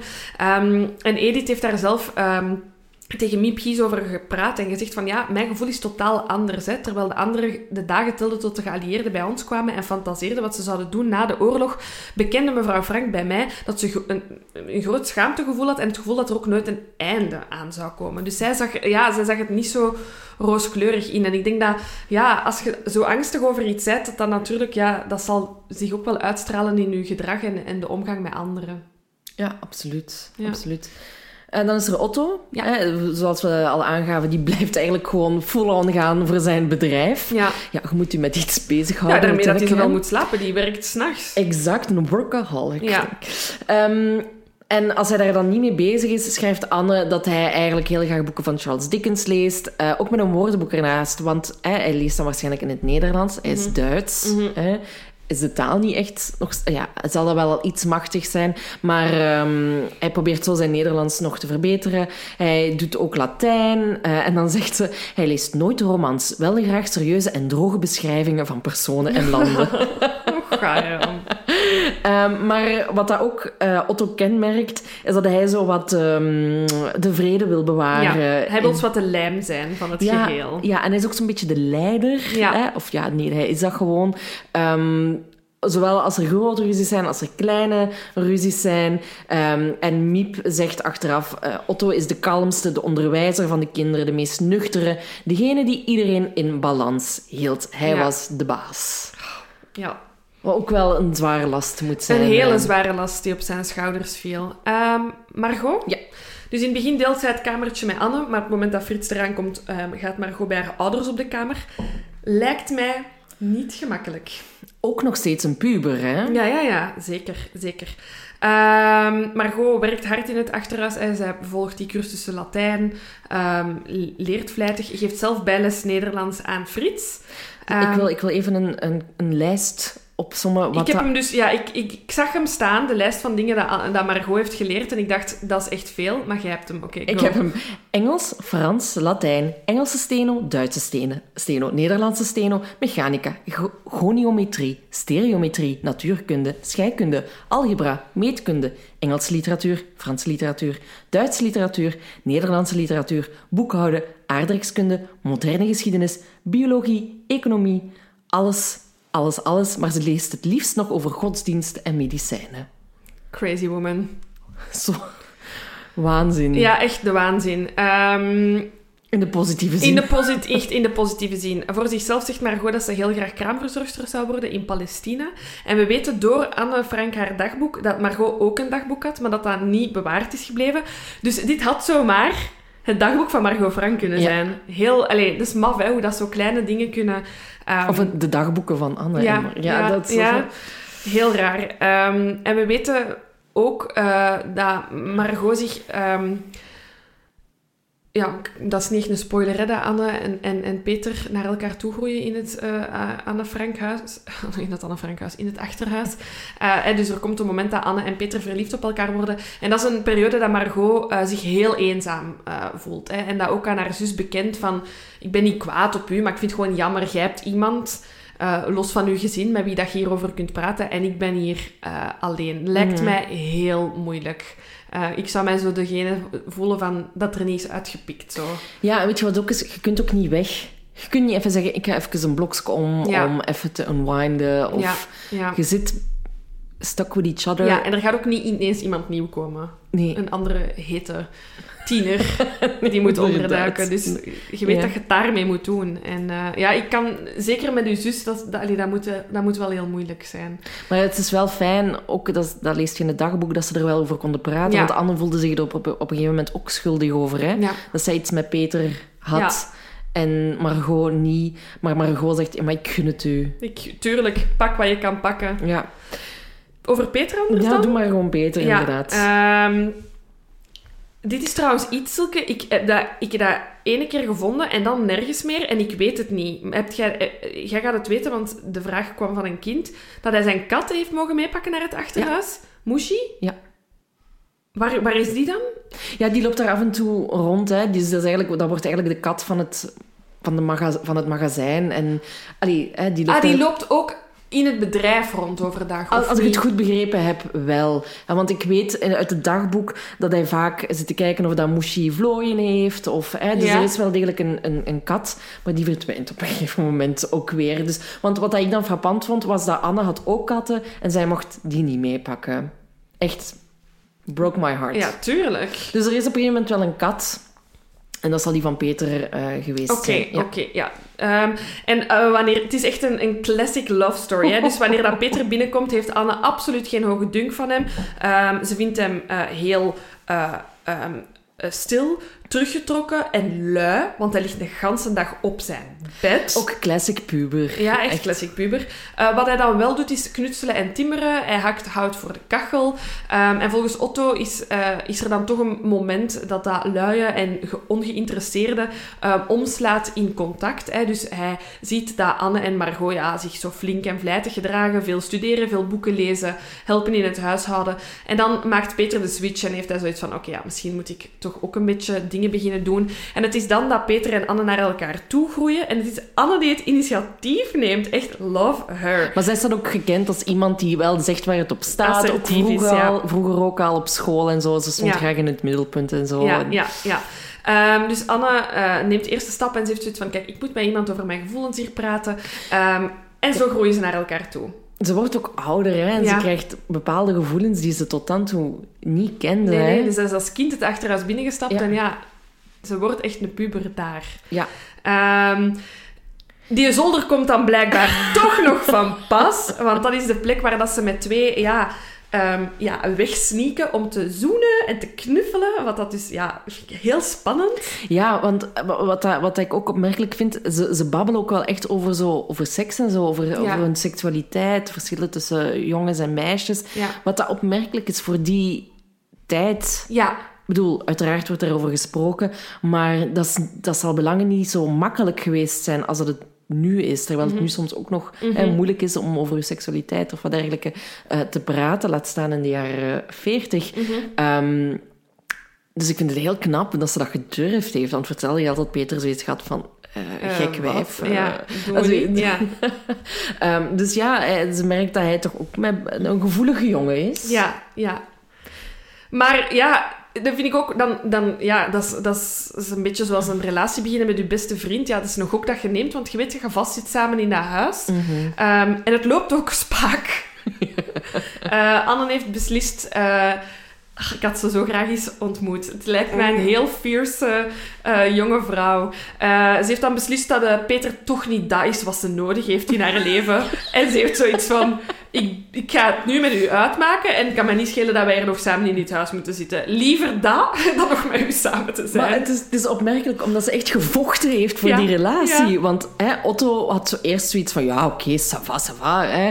En ja, naarmate de tijd verstrekt, heeft hij toch zoiets van, ja, ik wil die knoetscherij, hè, dat geknuffel, eh, wil ik toch niet hebben. En Anne is echt boos. Ze is Ja. zodanig boos dat ze een brief schrijft aan haar vader. Hè, een, echt een woedende brief, waarin ze zegt, ik ben onafhankelijk. Hè.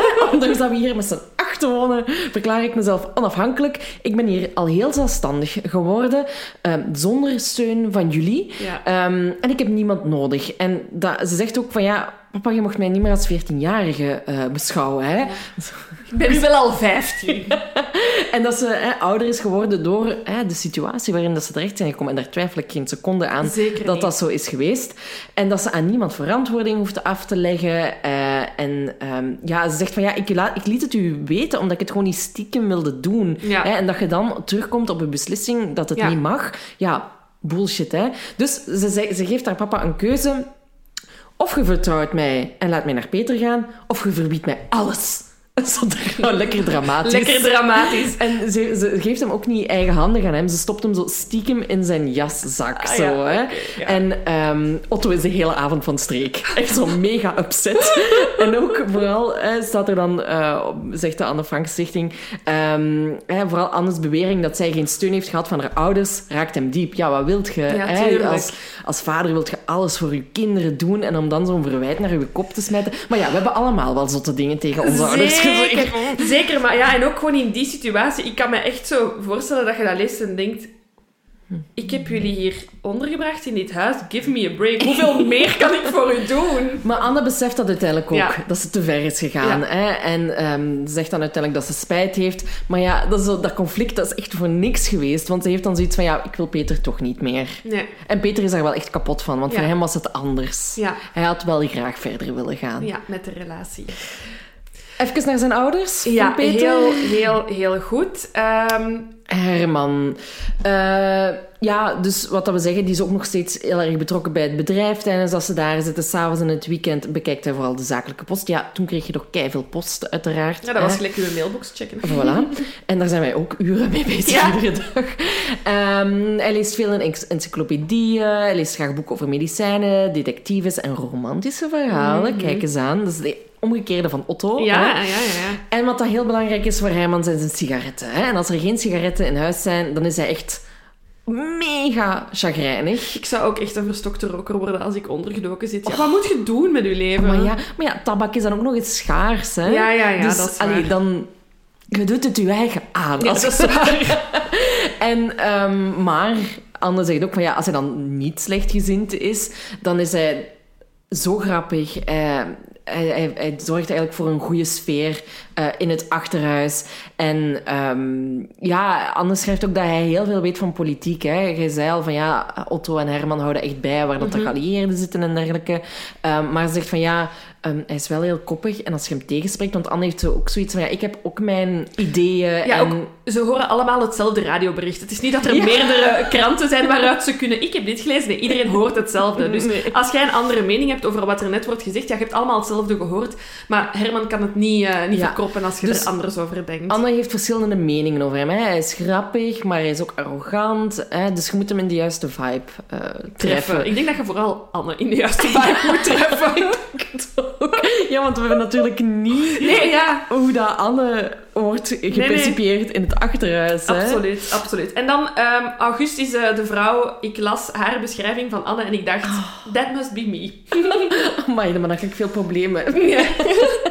Nee, eh, het eerste wat Anne over August vertelt, ehm, is dat August de dag dat ze in het, ehm, het achterhuis eh, binnenkomen, ze in een hoedendoos een eh po, ja, dat is een draagbaar toilet, ehm, mee heeft. Want ze zegt, zonder mijn nachtpot ben ik nergens thuis. Dus kan ik inkomen. Voilà, dus kan ik inkomen. Die heeft zoiets van, mijn eigen wc, ik, dat moet ik hebben. Zij Maar ontpot- dat is ook gewoon een schaal, hè. dat is echt gewoon een pot, ja. Ja. Maar ik snap dat, dat je zo niet... Want ja, dan moet ze s'nachts naar een trap naar beneden. Iedereen wakker, iedereen boos. Nee, doen we niet. Ik pak mijn eigen pot mee. I feel you, August. Ehm, zij is de nijvere eh, huisvrouw. Zij zal degene zijn die ehm, de leiding neemt bij het eh, koken. Hè, de meeste maaltijden op tafel zet. Echt haar best doet om er toch nog iets lekkers van te maken. Want ja, ik vermoed dat er echt zo... Hier zijn tien ingrediënten, doe je ding. En je weet niet wat er gaat aankomen. Nee, geen Hello Fresh in ieder geval. Geen Hello Fresh Maar, in het eh, wat- wat achterhuis. ik herinner uit het dagboek is dat ze soms dagen hetzelfde achter elkaar eten. Hè. Dan was er bijvoorbeeld alleen, eh waren er alleen ajuinen, was ajuinensoep uh, Elke vol een bak. eh, of eh, aardappelen drie dagen aan een stuk. Zo, maar, dus het was niet per se lekker of gevarieerd. Of, Nee. Het was echt heel vaak hetzelfde. Maar ja, het moest in ieder geval wel eh, klaargemaakt worden. Ja, en dat, is, dat was dan eh, Auguste eh, haar ehm, taak. Ehm, en uit Anne's dagboek leren we ook dat de familie Frank en de fa- familie van Bels echt wel wat verschillen op vlak van communicatie. hè. Eh, ik, allee, ik, ik beeld mij eh, Otto en Edith als heel rustige, kalme personen in. En dan hè, Anne is zo wat de flap uit van de familie, maar de rest is eigenlijk allemaal heel rustig. En dat is een beetje het tegenovergestelde bij August en eh, Herman. Zo beschrijft Anne in haar dagboek een ruzie tussen, August, omdat tussen August en Herman, omdat Herman tegen August zegt, kijk, die een bontjas dat jij mee hebt gepakt, die gaat je moeten verpatsen. En zij heeft zoiets van, jij blijft met je fikken van mijn bontjas af. Ik hou die bij. En Anne zegt, ja, dat gegil, dat geschreeuw, gestamp, gescheld, je kunt het je niet voorstellen. Het was angstwekkend. Mijn familie stond met ingehouden adem onderaan de trap om zo nodig vechten uit elkaar te moeten trekken. Maar kort daarna verzoenen ze zich dan weer ehm, en noemen ze elkaar lieve Poetie en schattige Kerly. Maar weet je wat het ook is? Stel, je krijgt om half negen ruzie. Je moet dat allemaal bewaren, die woede, totdat alle magazijnmedewerkers terug zijn. zijn. Dat wordt alleen maar groter, die ruzie in je hoofd. Nu, het ding is, ik, wel- ik ga hier wel echt even Augusta haar kant kiezen. Ehm, als Herman mag roken, dan mag zij er een bontjas bij houden. Hè. Sorry, ze. Daar gaat ook geld naartoe, naar die tabak. hè. Absoluut. En zeg, die moeten wel iets aan hebben als die buiten komt. Hè. Nee, maar dat, ik vind dat een heel optimistische gedachte. Ja. Ik zou dat ook hebben. Ja. Ik zag zoiets van, nee, maar dat ga ik aan doen als we naar buiten gaan. Eindelijk. En Ja, freedom. ja, dat is wat dat, ik zou ook de persoon zijn van, als we dan uit, dit, uit deze situatie komen, ga ik dat doen en dat doen en dat doen. Dus ik vind dat een heel optimistische gedachte, dat hij zoiets had van, nee, die mond, ik Ik bij. ik ga die nog nodig hebben. Ja. Ja, ja, snap ik. Dus ja, ik zie het dan eh, zo. Ehm, en dan als laatste Frits. Frits. Ja, hè, dus al, als al duidelijk is geworden, Anne ergert zich kapot aan Frits. Hè. Die delen dus een slaapkamer. Frits snurkt, eh, Anne ligt wakker. Het is het een na het andere. Ook, ehm, ja, dat snap ik dat je wel irritant vindt dat als iemand die niet uw ouder is en die je continu aanspreekt op je gedrag, dat je die niet moet hebben. Mhm. Nee, ik zou het ook mega vervelend vinden. Ehm, again, dit is uit het perspectief van Anne. Eh, en wat dat Frits dan doet volgens Anne, is dat hij het ook nog eens door gaat vertellen aan Annes mama. Ja. Hij is van, kijk wat Anne nu heeft gedaan. Eh, ja, ik zou het ook niet moeten weten. Ehm, en, eh, maar ja, er wordt dan gesuggereerd, Frits zal zich uiteraard ook wel eens aan Anne hebben geërgerd. ja, hè? ja, ja. Ehm, en wat we ook al hebben gezegd, is dat Frits en Charlotte tijdens het onderduiken nog steeds in contact met elkaar blijven, dankzij de brieven die er geschreven worden. En ehm, hij besteedt daar vooral heel veel tijd aan. Hè. Er, wordt ook, hè, er staat één tafeltje ehm, in de kamer van Anne en Frits. En er wordt eigenlijk ruzie omgemaakt van Wie mag er nu? mag er nu aan het tafeltje zitten schrijven. Ja. Hij concentreert zich daarnaast ook op het leren van Spaans, omdat ja, dat is ook triestig en mooi tegelijkertijd. Zijn grote droom is om na de oorlog eh, een nieuw bestaan op te bouwen met Charlotte in Zuid-Amerika. Ja. We hebben gezegd hij is standaard ook, dus dat is mega handig voor de onderduikers. Als er een probleem is met te kiezen, dan eh, neemt hij zijn eh boor bij de hand. En dat is, kunt je ook zien op de website. Dat is niet gewoon zo een klein boordje. Dat is een heel systeem Ja, ja, van een meter hoog of langer zelfs. Ik weet niet hoe het werkt, maar eh, ja, dat heeft hij ook meegenomen. En hij kent ook iets van medicijnen, dus als er mensen ziek zijn, eh, weet hij ook wat dat hij moet doen. En dat is natuurlijk wel zeer handig om in huis te hebben. Anne denkt daar anders over. Een hele grappige getuigenis. Hè. Ze, zegt, eh, ze heeft een griep op het moment dat ze in het huis zitten. En ze zegt... Het ergste vond ik wel toen meneer doktertje ging spelen en met zijn pommadehoofd op mijn blote borst ging liggen om de geluiden daar binnen af te luisteren. Wat heeft die, wat he- heeft die mens in zijn hoofd gekregen om aan mijn hart te gaan liggen? Hij is mijn geliefde toch niet? Drama! Ik heb, ik heb daar ook een vraag over gesteld in het Anne Ja? Frank huis aan de gids. Ik zei ja, mensen, zelfs hè, Auguste wordt soms ook wel slecht ehm, afgeschilderd. Hè, en, en Frits vooral. Mhm. Als, die boeken gepubliceerd, als het dagboek gepubliceerd is geweest, hoe is de reactie daarop geweest van mensen die, hè, van familieleden? kennen, ja. Of, hè, en dan zeiden ja, Werner, de zoon van Frits, Ja. die eh, is daar zeer boos over geweest. Ja. Want telkens als Anne Frank haar verhaal werd verfilmd of er kwam een theaterstuk of whatever, werd zijn vader altijd als die irritante dude neergeschreven. Ah, dus wel, ja. Dus zij zei, ja, dat is heel dubbel natuurlijk, maar we moeten gewoon beseffen dat het allemaal vanuit het perspectief van Anne is. Ja. eh, en dat er natuurlijk twee kanten van het verhaal zijn. Dus laten we onthouden dat Frits geen slechte mens was. Nee, tuurlijk niet. Ehm, dat is het interessante gewoon ook aan dit verhaal. Hè, dat, het, eh, dat het ook gewoon door een tienermeisje is geschreven. Dat, dat, dat maakt het gewoon ja, extra interessant, Ja, vind absoluut. ik. Ehm, Hmm. helaas breekt eh, 4 augustus 1944 aan. Het is een eh, warme, zonnige dag in Amsterdam. Het is dag 761 in het achterhuis. Het is ruim twee jaar nadat het gezin eh, de schuilplaats is binnengestapt.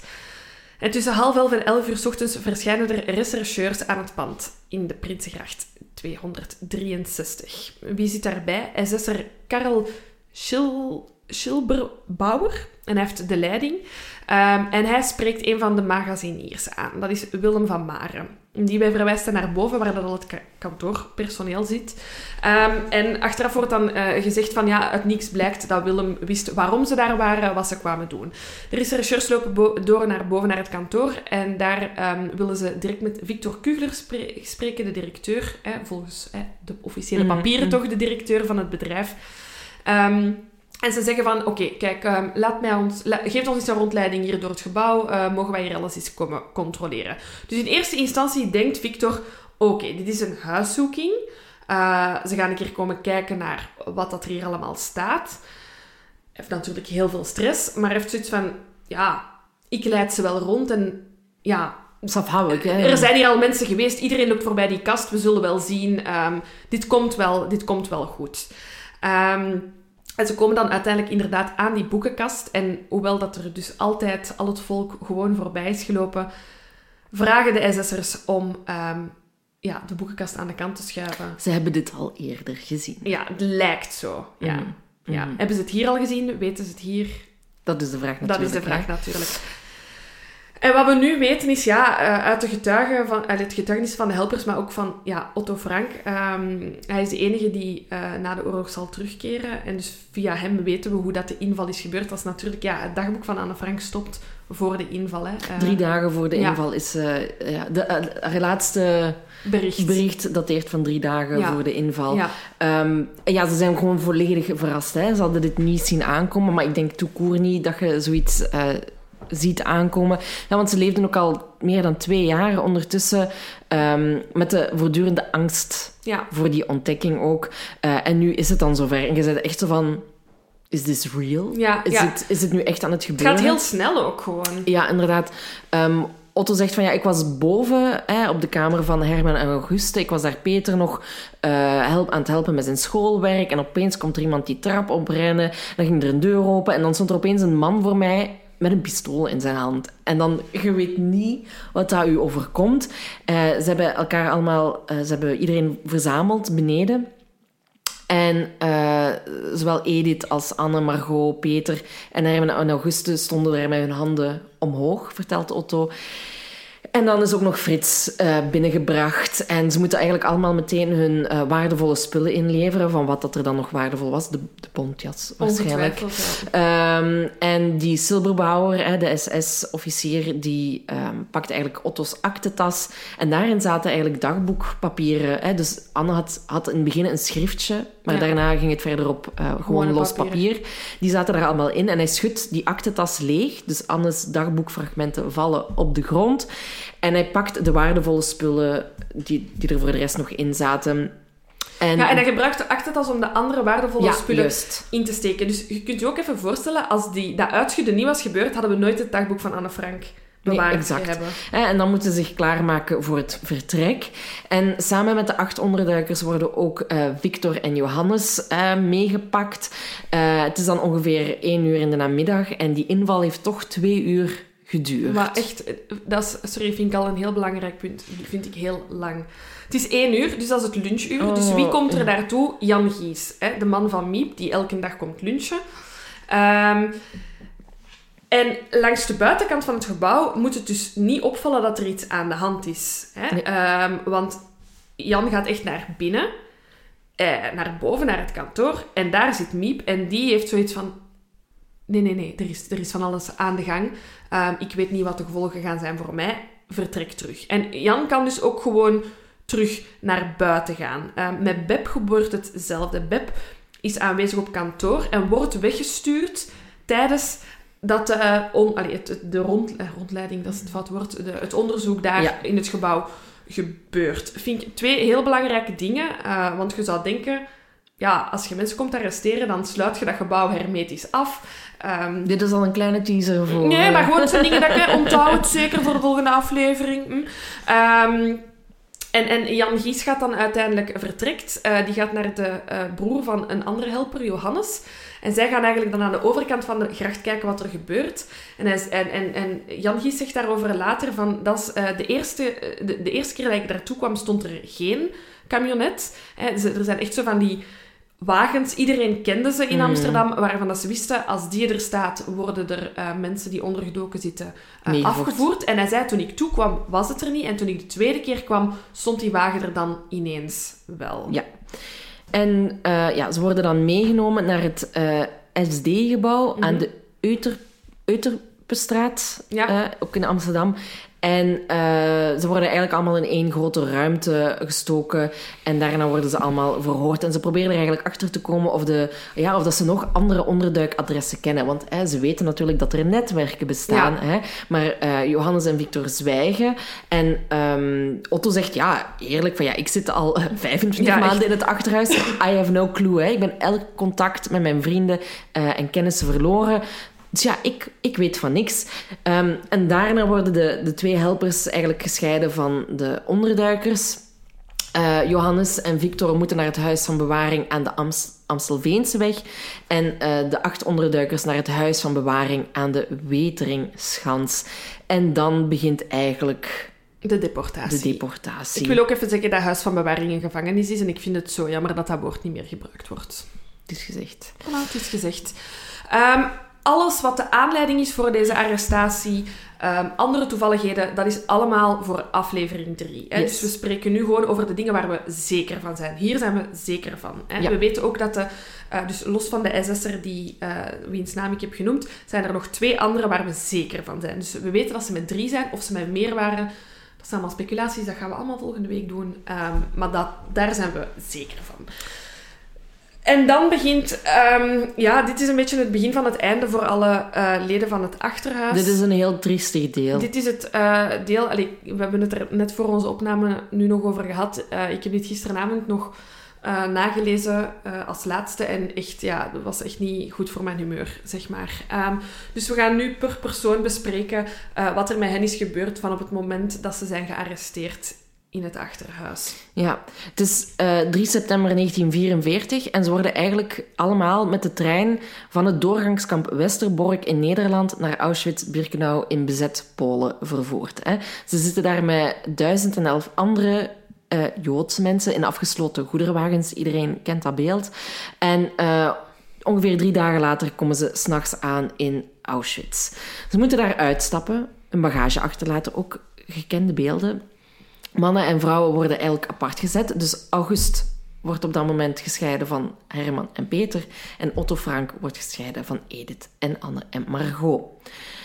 Daarna worden, wordt iedereen eigenlijk beoordeeld van... Zijt jij in staat om te werken of niet?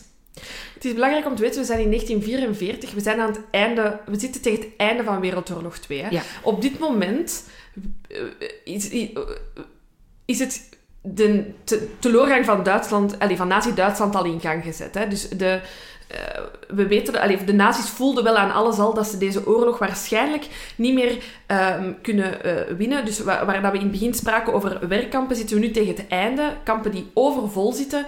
Dus die selectie van jij mocht leven en jij niet, ja, dat was echt één op twee of zo. De, de, het werd er echt wel wat doorgejaagd, zeg maar. Ja, want de, de, de onderduikers komen hier nog door. Ja. Maar hè, ze zaten dus met duizend mensen op die trein. Mhm. Van die duizend uh, zijn er 371 die ja, onmiddellijk naar de gaskamer Ja. worden gestuurd. Ja. Ehm, en ja, onze onderduikers uh, gaan door naar de zogenaamde sauna.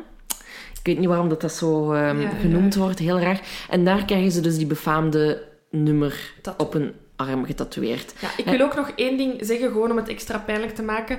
De trein waarop zij zaten was de laatste trein uit Nederland naar een concentratiekamp ooit vertrokken. Oh, Ja, dus het was echt, we zitten echt tegen het einde van de oorlog. Bon, ze, ze, ze mogen daar toch nog douchen.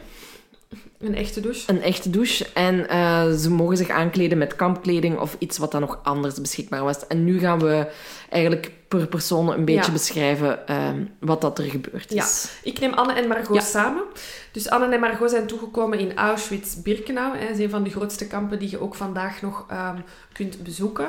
De taken die ze daar moesten doen, eh, gras, zoden steken en stenen sjouwen. Ehm, die kampleiding organiseert regelmatig selecties. eh, als je er de eerste keer niet bij waart, is er een grote kans dat je er de volgende keer eh, uitvalt. Ehm, en op 1 november, dus ze zijn daar toegekomen, ja, mid-september pakt, zoiets. Hè? Want ze Ja, begin drie- september, ja. ja, Ehm, op 1 november eh, worden Margot en Anne op een trein naar een ander concentratiekamp gezet. Bergen-Belsen. Bergen-Belsen. En dat is het kamp eh, waar het het aller, allerslechtst ging. Ehm, ik denk dat eh, de meeste mensen Auschwitz gaan bezoeken, maar Bergen-Belsen, eh, de toestand daar was eh, verschrikkelijk. De nazi's hebben dat ook allemaal in brand gestoken, zodat er daar heel weinig van geweten is. Maar wat dat we daarvan weten, is dat dat kamp over, over vol zat. Alle mogelijke ziektes uh, dat er, en plagen dat er kunnen uh, rondgaan, gingen daar toen rond. De hygiënische omstandigheden waren verschrikkelijk. En het is daar dat Margot en Anne besmet geraken met uh. Het is een van de ja, ziektes dat in al die concentratiekampen makkelijk verspreid werd. En achteraf heeft de medegevangene Rachel daarover gezegd... Um, Mensen kregen weggetrokken gezichten, je werd fel over been. Je zag letterlijk dat die mensen aan het doodgaan waren. Uh, Margot is, net als Anne Frank, um, in februari 1945 overleden aan uh, vlektyfus, twee maanden voor de bevrijding van het kamp door de Britse militairen. Anna was 15. Anna was 15. Dus wat ik nog even wil zeggen is dat ze na de arrestatie nog zes maanden geleefd hebben. Ja, en dat de oorlog nog tien maanden heeft geduurd. Tien maanden na de deportatie is... Uh, sorry, nee, de oorlog was vroeger gedaan, maar tien maanden na de deportatie is Otto Frank terug in Amsterdam toegekomen. Dus die hebben twee jaar, meer dan twee jaar ondergedoken en dan op zes maanden tijd is alles omgeslagen. Ja. En um, ja, we, hebben van die, die tijd dat ze daar zaten, alleen, hè, wat dat gezegd, alleen nog maar getuigenissen.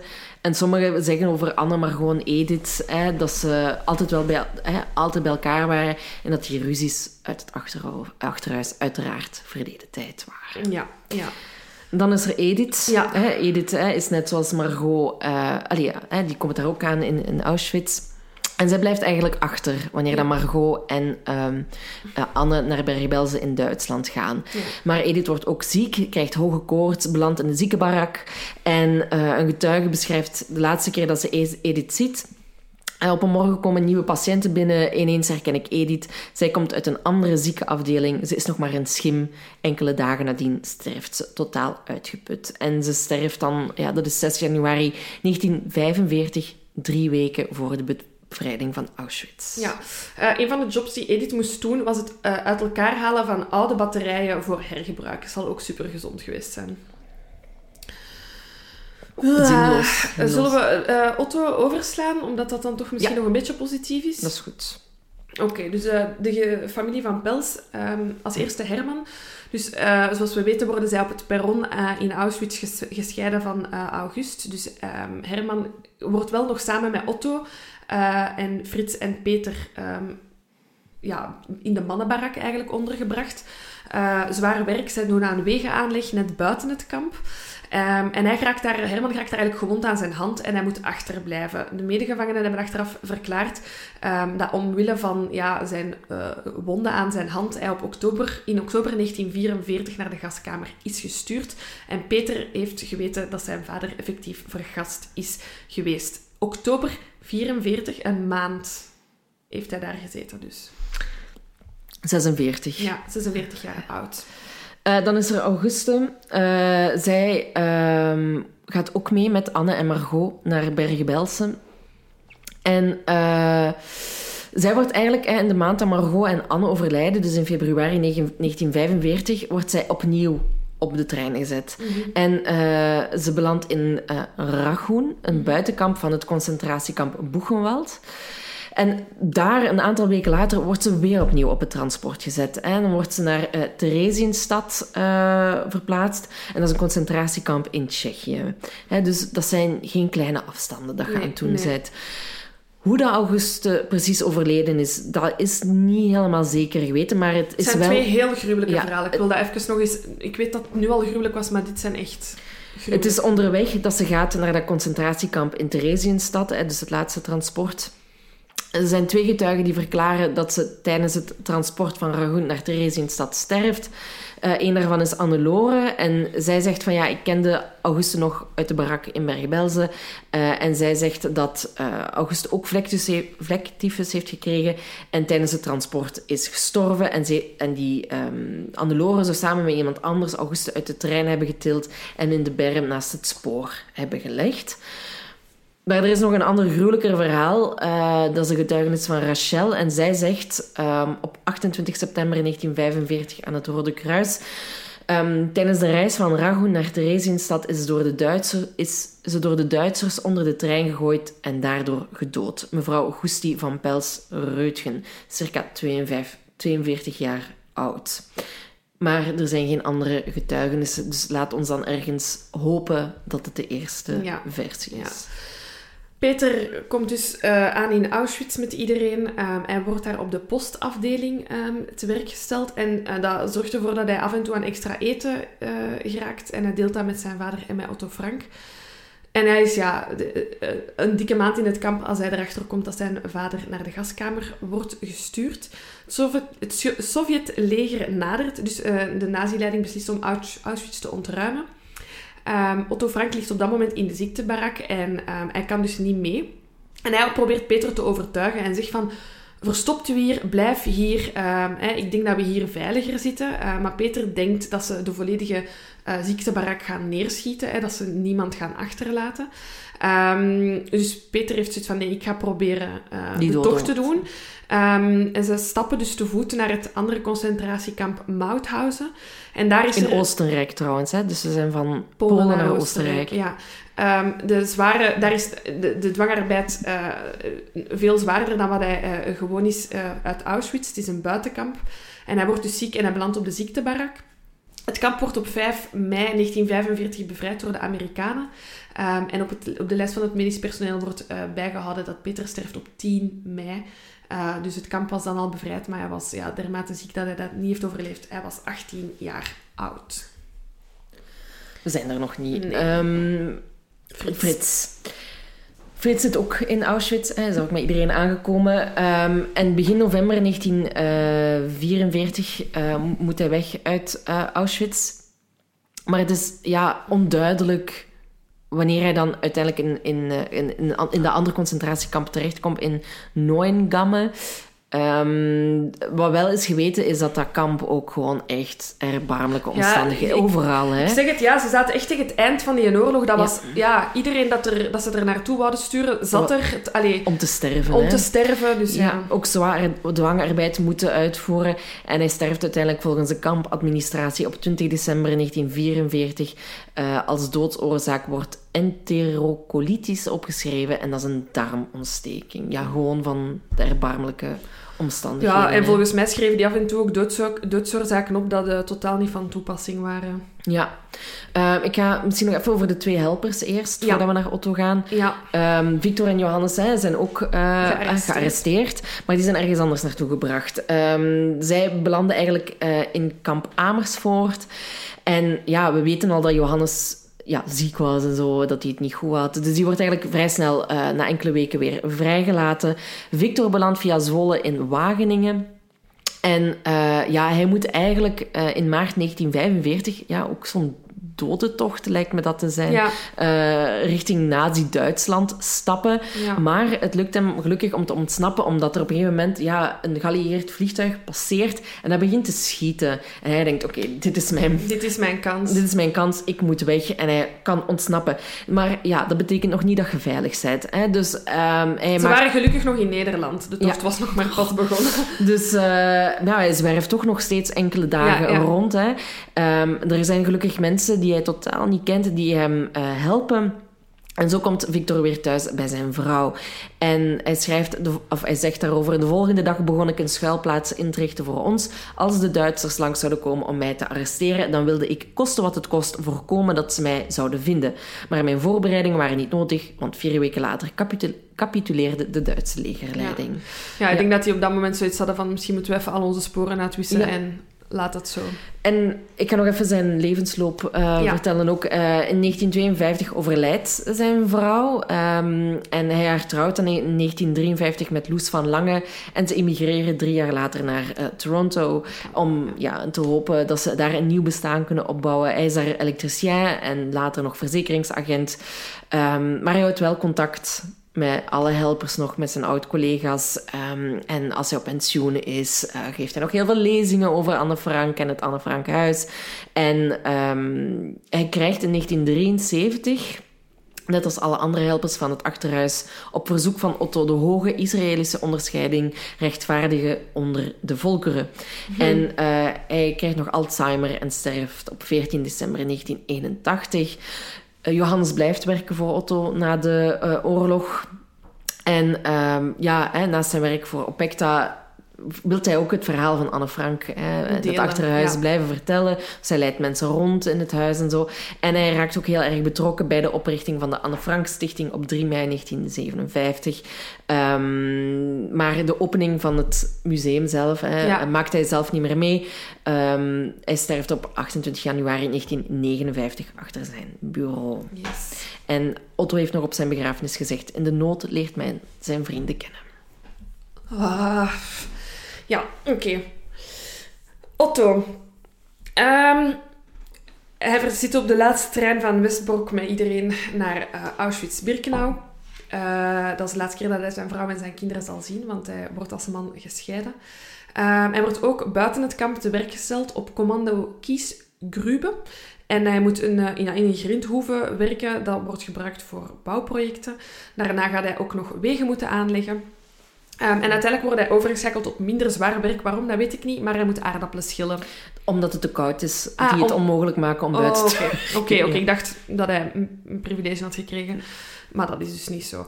Ehm, eh, ja, er wordt wel gezegd dat hij eh, heel veel steun heeft aan eh, Peter en ja, op de korte tijd dat Herman er nog is. Ehm, en ook vrienden in het kamp steunen hem. Zo zou Otto zwaar in elkaar zijn geslagen en wordt hij geholpen door een Nederlandse arts in de ziekenbarak. En dat is ook waar dat hij zit op het moment dat die Sovjet-troepen dus dichterbij komen. De kampleiding beslist om Auschwitz ehm, ja, leeg te halen, hè, wat we daar straks bij Peter ook vertelden. Otto blijft achter in die ziektebarak. Hij weegt dan 52 kilo, ja, dus is niet meer in staat om te stappen. En op 27 januari 1945 komen de Sovjet-troepen het kamp binnen. Ehm, en Otto beschouwt het als een wonder achteraf dat hij nog leeft. Ehm, hij schrijft een brief op 18 maart, hè, dus eh, naar zijn ouders, om te zeggen dat hij dus nog in leven is. En als hij voldoende op kracht is, dan beslist hij om terug naar Nederland te gaan. Hij denkt van, ja, als mijn vrouw en mijn dochters nog leven, zal ik ze daar wel ontmoeten. Ehm, een, wat een tocht ook, hè, dus ehm, omdat er in grote deel van Europa nog gevochten wordt, vluchten, allee, vluchten, trekken ze eigenlijk naar Oekraïne, het huidige Oekraïne. En daar stappen ze op een schip, de Monowai, en die zou naar Marseille in Frankrijk varen. Ehm, het is op die boot dat hij hoort van Rosa dat zijn eh, vrouw Edith is overleden in het, eh, eh, in het kamp Auschwitz. Dus daarvan weet hij van oké, mijn vrouw ga ik nooit meer zien. Wat een, wat een tocht ook. Dat is een tocht op de boot van ja, wat een maand of zo. En dan praat je met iedereen om, in de hoop om te weten van Ja. Weet jij meer? weet jij meer? En dan valt op iemand die dan toevallig... Lijkt me verschrikkelijk. Bon, zijn hoop is dus gevestigd op zijn twee dochters. Ehm, hij komt toe in Amsterdam, dus tien maanden na zijn arrestatie op 3 juni 1945. En tot zijn opluchting hebben alle helpers het overleefd. Eh, is het achterhuis er ook nog? Staat het voorhuis er ook nog? En Otto trekt in bij Jan en Miep Gies. Hij zal daar nog zeven jaar wonen. Maar wat een loyaliteit en vriendschap. Dat is echt ongelooflijk. Ehm, in juli 1945 krijgt hij dan het bericht van de zussen Bil- Brillenslijper eh, dat Anna en Margot eh, het niet hebben overleefd en dat zij in Bergen-Belsen eh, aan hun einde zijn gekomen. En als Miep dat nieuws hoort, komt het moment dat ze aan Otto vertelt dat ze de dagboeken van Anne heeft kunnen redden. Die daar op de grond toen terecht waren Ja, gekomen. hè? ja, ja. En dus Miep zegt van, kijk, ik wou ze graag zelf aan Anne geven, maar nu dat we zeker zijn dat dat niet meer kan, ehm, wil ik het graag aan u schenken. En Otto wil daar eigenlijk direct mee aan de slag gaan. Hè. Hij typt eh, het hele boek over. Ehm, en hij laat het aan vrienden lezen, familie lezen, uiteindelijk ook aan de helpers van het achterhuis. En die hebben allemaal zoiets van, ja, hier moet iets mee gedaan worden. Maar na de oorlog wil niemand nog over de oorlog horen. Het was ook de droom van Anne, hè, om, Ja. het- om een boek uit te Ja, ja, brengen. ja, hè. ja, ja, ja. Dus Omdat ze die dagboeken ook had herschreven. Dus hij wou er echt iets mee, mee aan de slag gaan. Maar het, is echt, het heeft lang geduurd eer dat hij een uitgever heeft gevonden dat bereid was om het boek te drukken. Slimme persoon. Er zal veel geld aan zijn verdiend. Ehm, en uiteindelijk dus twee jaar, na, twee jaar zoeken en twee jaar na de oorlog, verschijnt dan voor het eerst het achterhuis. En daarover zegt eh, Otto, wat zou Anne zo trots zijn geweest als ze dit had meegemaakt over de eerste uitgave. En al snel wordt het boek vertaald in het Frans, Duits en Engels. Ja, maar ja, het doet hem toch te veel pijn hè? Ja. in Amsterdam blijven. Ehm, dus hij verhuist in 1952 naar Basel in Zwitserland. Daar hertrouwt hij een jaar later eh, eh, met Fritsie Geringer. En Fritsie heeft een dochter, Eva, die net als Anne in 1929 geboren is. Oh, dat moet moet heel dubbel ja. zijn. Ehm, hij blijft wel heel erg nauw betrokken bij de Anne Frank eh, Stichting, die ja, wel degelijk is opgericht natuurlijk om het achterhuis te beschermen hè, Ja. en ook om het verhaal van Anne Frank eh, te vertellen. Ehm, Otto sterft dan uiteindelijk op 19 augustus 1980. En heeft blijkbaar nog gezegd voor zijn dood in een interview: Ik ben nu bijna 90 en mijn krachten nemen langzaam af. Maar de opdracht die ik van Anne heb gekregen geeft mij steeds weer nieuwe kracht om te strijden voor verzoening en voor mensenrechten in de gehele wereld. Ja, Ik zou ook graag nog de helpers ja. eh, willen vertellen wat er nog met hen is, Ja, is gebeurd. Ik wil ook gewoon nog even een kleine... eh, hè, want het achterhuis is dan een beschermde eh, onderduikplek. Ehm, maar ja, het achterhuis is een heel bijzondere plek. Maar ik heb eh, op de website... Was het op de website of ergens anders gelezen? Dat ze in 1996 nog een schuilplaats hebben ontdekt. Van onderduikers in Amsterdam. Ja, ja, ja, ja, inderdaad. Dat er, dat er ergens zo in een huis toch nog een verborgen kamertje zat. Ja. Ehm, ja, dat je toch ziet dat dat... Ja, dat, zo, dat, dat heeft zo'n impact gehad. En, en, en ja, ik vind dat echt ongelooflijk. En ik ben zo blij, want dit, dat is echt wel ongelooflijk dat dat gelukt is om dat achterhuis te beschermen. Want ik, dat is toch echt iets... Je ziet ze toch zo dat, dat plat gooien. dat hè. plat gooien. Of, of, of toch in ieder geval zoiets hebben van... "Oh, het is achter de rug, ik, we willen er niet meer over nadenken, het is Ja. gedaan. En, eh, dus ik ben wel heel dankbaar dat dat allemaal bewaard is gebleven. En dat het dagboek door Miep ook bewaard is gebleven. Absoluut. Het had op veel momenten niet zo kunnen Ja. zijn. Ja, dus dat is ongelooflijk. We hebben Victor en Johannes gehad. Ja. Ik wil het dan over Beb en Johan hebben, Ja. dochter en vader. Ehm, dus Johannes zit eh, in de gevangenis eh, en eh, Beb en Miep houden het bedrijf eigenlijk draaiende. Hè. Op dat moment, Victor is ook weg. En ehm, in het laatste oorlogsjaar ontmoet, ontmoet Beb Cor van Wijk. Een jaar na de bevrijding, hè, in mei 1946, trouwen ze. Ze krijgen drie zonen en een dochter. En hun dochter vernoemen ze naar Anne Frank. Ja. Ehm, maar Beb heeft wel heel veel moeite om in de aandacht te staan met het verhaal van Anne Frank en zo. Ze blijft het liefst op de achtergrond. Ze, ze kan er zelfs geen interviews over doen. Nee. Ze krijgt echt ja, trauma. Hè? Ze krijgt echt ja, zo'n een, een zenuwinstorting, zware Maar ja, je zei ook gewoon zeven mensen kwijt. Ja, verdriet. Ook jij verdriet. hebt die mensen kwijt. Dus ik kan Ja. mij voorstellen dat iedereen daar anders mee omgaat. Dus ze, ze sluit zich daarvan af eigenlijk. Ja. Ze wil er eigenlijk niet, niet meer bij betrokken zijn. Maar ze houdt wel contact met Otto, eh, Jan en Miep en eh, Victor. En ze gaat ook bij Otto al eens op bezoek en bij Victor in Toronto. Eh, en ze sterft uiteindelijk op 6 mei 1983 op 63-jarige leeftijd. Eh, Johan, de vader, eh, die als eigenlijk het enige magazijnmedewerker wist wat dat er gebeurde in het achterhuis en die ook de boekenkast had Ja. gemaakt, ehm, moest nog eigenlijk tijdens het onderduiken zeggen van jongens, ik kan niet meer helpen, want ik heb maagkanker. En hij sterft uiteindelijk op 27 november 1945 op 53-jarige leeftijd. Oh, oh, dus ja, Hij is echt- nog- eigenlijk echt nog in oorlog bijna. Ja, ja. inderdaad. Eh, dan Miep en Gies. Ja. Ehm, even kijken, ja, dus ze vangen Otto weer op. Hè. Die staat opeens voor een, voor een deur. En ehm, ja, met het dagboek en dergelijke meer. Even kijken. In de jaren na de oorlog, ehm, ja, Miep gaat vol een bak voor het verhaal van Anne Frank om dat eh, aan de wereld bekend te maken. Eh, ze gaat langs scholen om het verhaal te vertellen. Ze laat dan eigenlijk haar herinneringen in zo'n soort van memoire vastleggen in de jaren negentig. En eh, ja, elk jaar op 4 augustus herdenken Miep en Jan Gies het verlies van hun vrienden. En ze, geeft, ze zegt gewoon, ja, we hebben gedaan wat we konden. We, hebben, we, Maar hebben, ja, we hadden dit echt. niet kunnen voorkomen. Ehm, in die donkere tijd in de oorlog zijn wij niet aan de kant blijven staan, maar hebben onze handen uitgestoken om de mensen te helpen met de inzet van ons eigen leven. Meer konden we niet doen. Ehm, Jan blijft wel op de achtergrond hè, als het over Anne en het achterhuis gaat. Maar hij is wel vaak aanwezig als begeleider van Miep. Eh, als zij geïnterviewd is, mega schattig. Ja, ja, ja, dat is echt zo foto's van haar, echt zo als bommakjes. En hij staat er zo wat Ja, achter. dat is echt heel goed. Ehm, hij, hij noemt zich ook wel zelf eh, als grap zo de prins Gemaal. Hè? Ja, Je ja. ziet dat zo bij ehm, koningin Elisabeth. Ja, ja. Hè? De Philip was ook zo altijd... hij liep achter haar. Ja, ja, ja. Eh, Jan overlijdt op eh, 26 januari 1993 als zij 27 jaar oud is. En Miep sterft in 2010. Oh, Ehm, maar alle helpers hebben het overleefd. En laat dat een schamele troost zijn Absoluut. voor eh, deze traumatische ervaring. Ongelooflijk. En echt gewoon, wat een moed. Ik zou niet weten wat ik zou doen Je weet het echt pas als je... als het moment daar is. Je wilt natuurlijk zeggen van, ik help. Ja. Ik ga mensen helpen. Maar je denkt dat, ik denk dat je in eerste instantie denkt je toch... No way. Ik wil dit overleven. Ja, en ik ja, alleen. ja, ja. En misschien mijn lief. Eh, ja.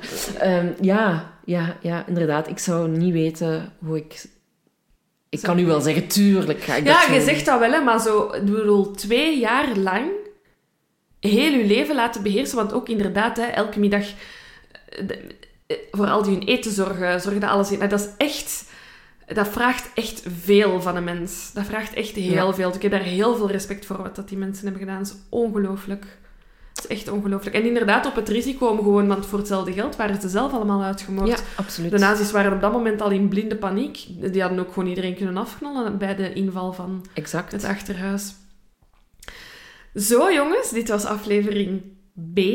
Ik moet hier even van bekomen. Ik ben Ja. er stil van geworden. Ja, het is, Nee. het is, het is intens. Dit was aflevering B inderdaad. En in de volgende aflevering gaan we onder, onderzoeken Ja, eh, wat dat er gebeurd kan zijn. Dat er opeens de SS eh, aan de boekenkast stond. ja, wat is er gebeurd? Wat is er gebeurd? En dus nog een warme oproep, ook voor iedereen, voor de vierde aflevering. Niet vergeten, tegen 1 februari ehm, jouw verhaal in te sturen. Ehm, ik zou heel graag, want ik heb het nog nooit van iemand persoonlijk gehoord, ehm, een onderduikverhaal eh, ingestuurd krijgen. Eh, mensen die in het verzet hebben gezeten. Ehm, mensen die, oh, allee, ik wens het niemand toe, maar misschien familie, Joodse familie heeft of iemand kent ehm, die een eh, verleden hebben in het concentratiekamp. Ehm, daar ben ik echt heel benieuwd naar. En het is altijd goed om iets met je familie te praten over zo het, de familiegeschiedenis. Dat Ja. zijn dingen die anders verloren gaan. Absoluut. Dus zo, dan eh, horen we jullie volgende week. Allee, jullie horen ons volgende week. Dat is goed. Oké. En ja, we gaan aan de research van drie beginnen. Hè? Zo Ja, spannend. Ja, ik ben echt benieuwd. Ik ook. We gaan het nu al weten als dit uitkomt. Ja, als dit uitkomt, zitten wij al echt ons ei te broeden op het verraad. Bye bye. Bye. Nog even over die grootse en epische muziektheatervoorstelling. Het achtste leven voor Brilka is een marathonvoorstelling van 5 uur. Koop je tickets voor deze bijzondere theateravond via oostpol.nl.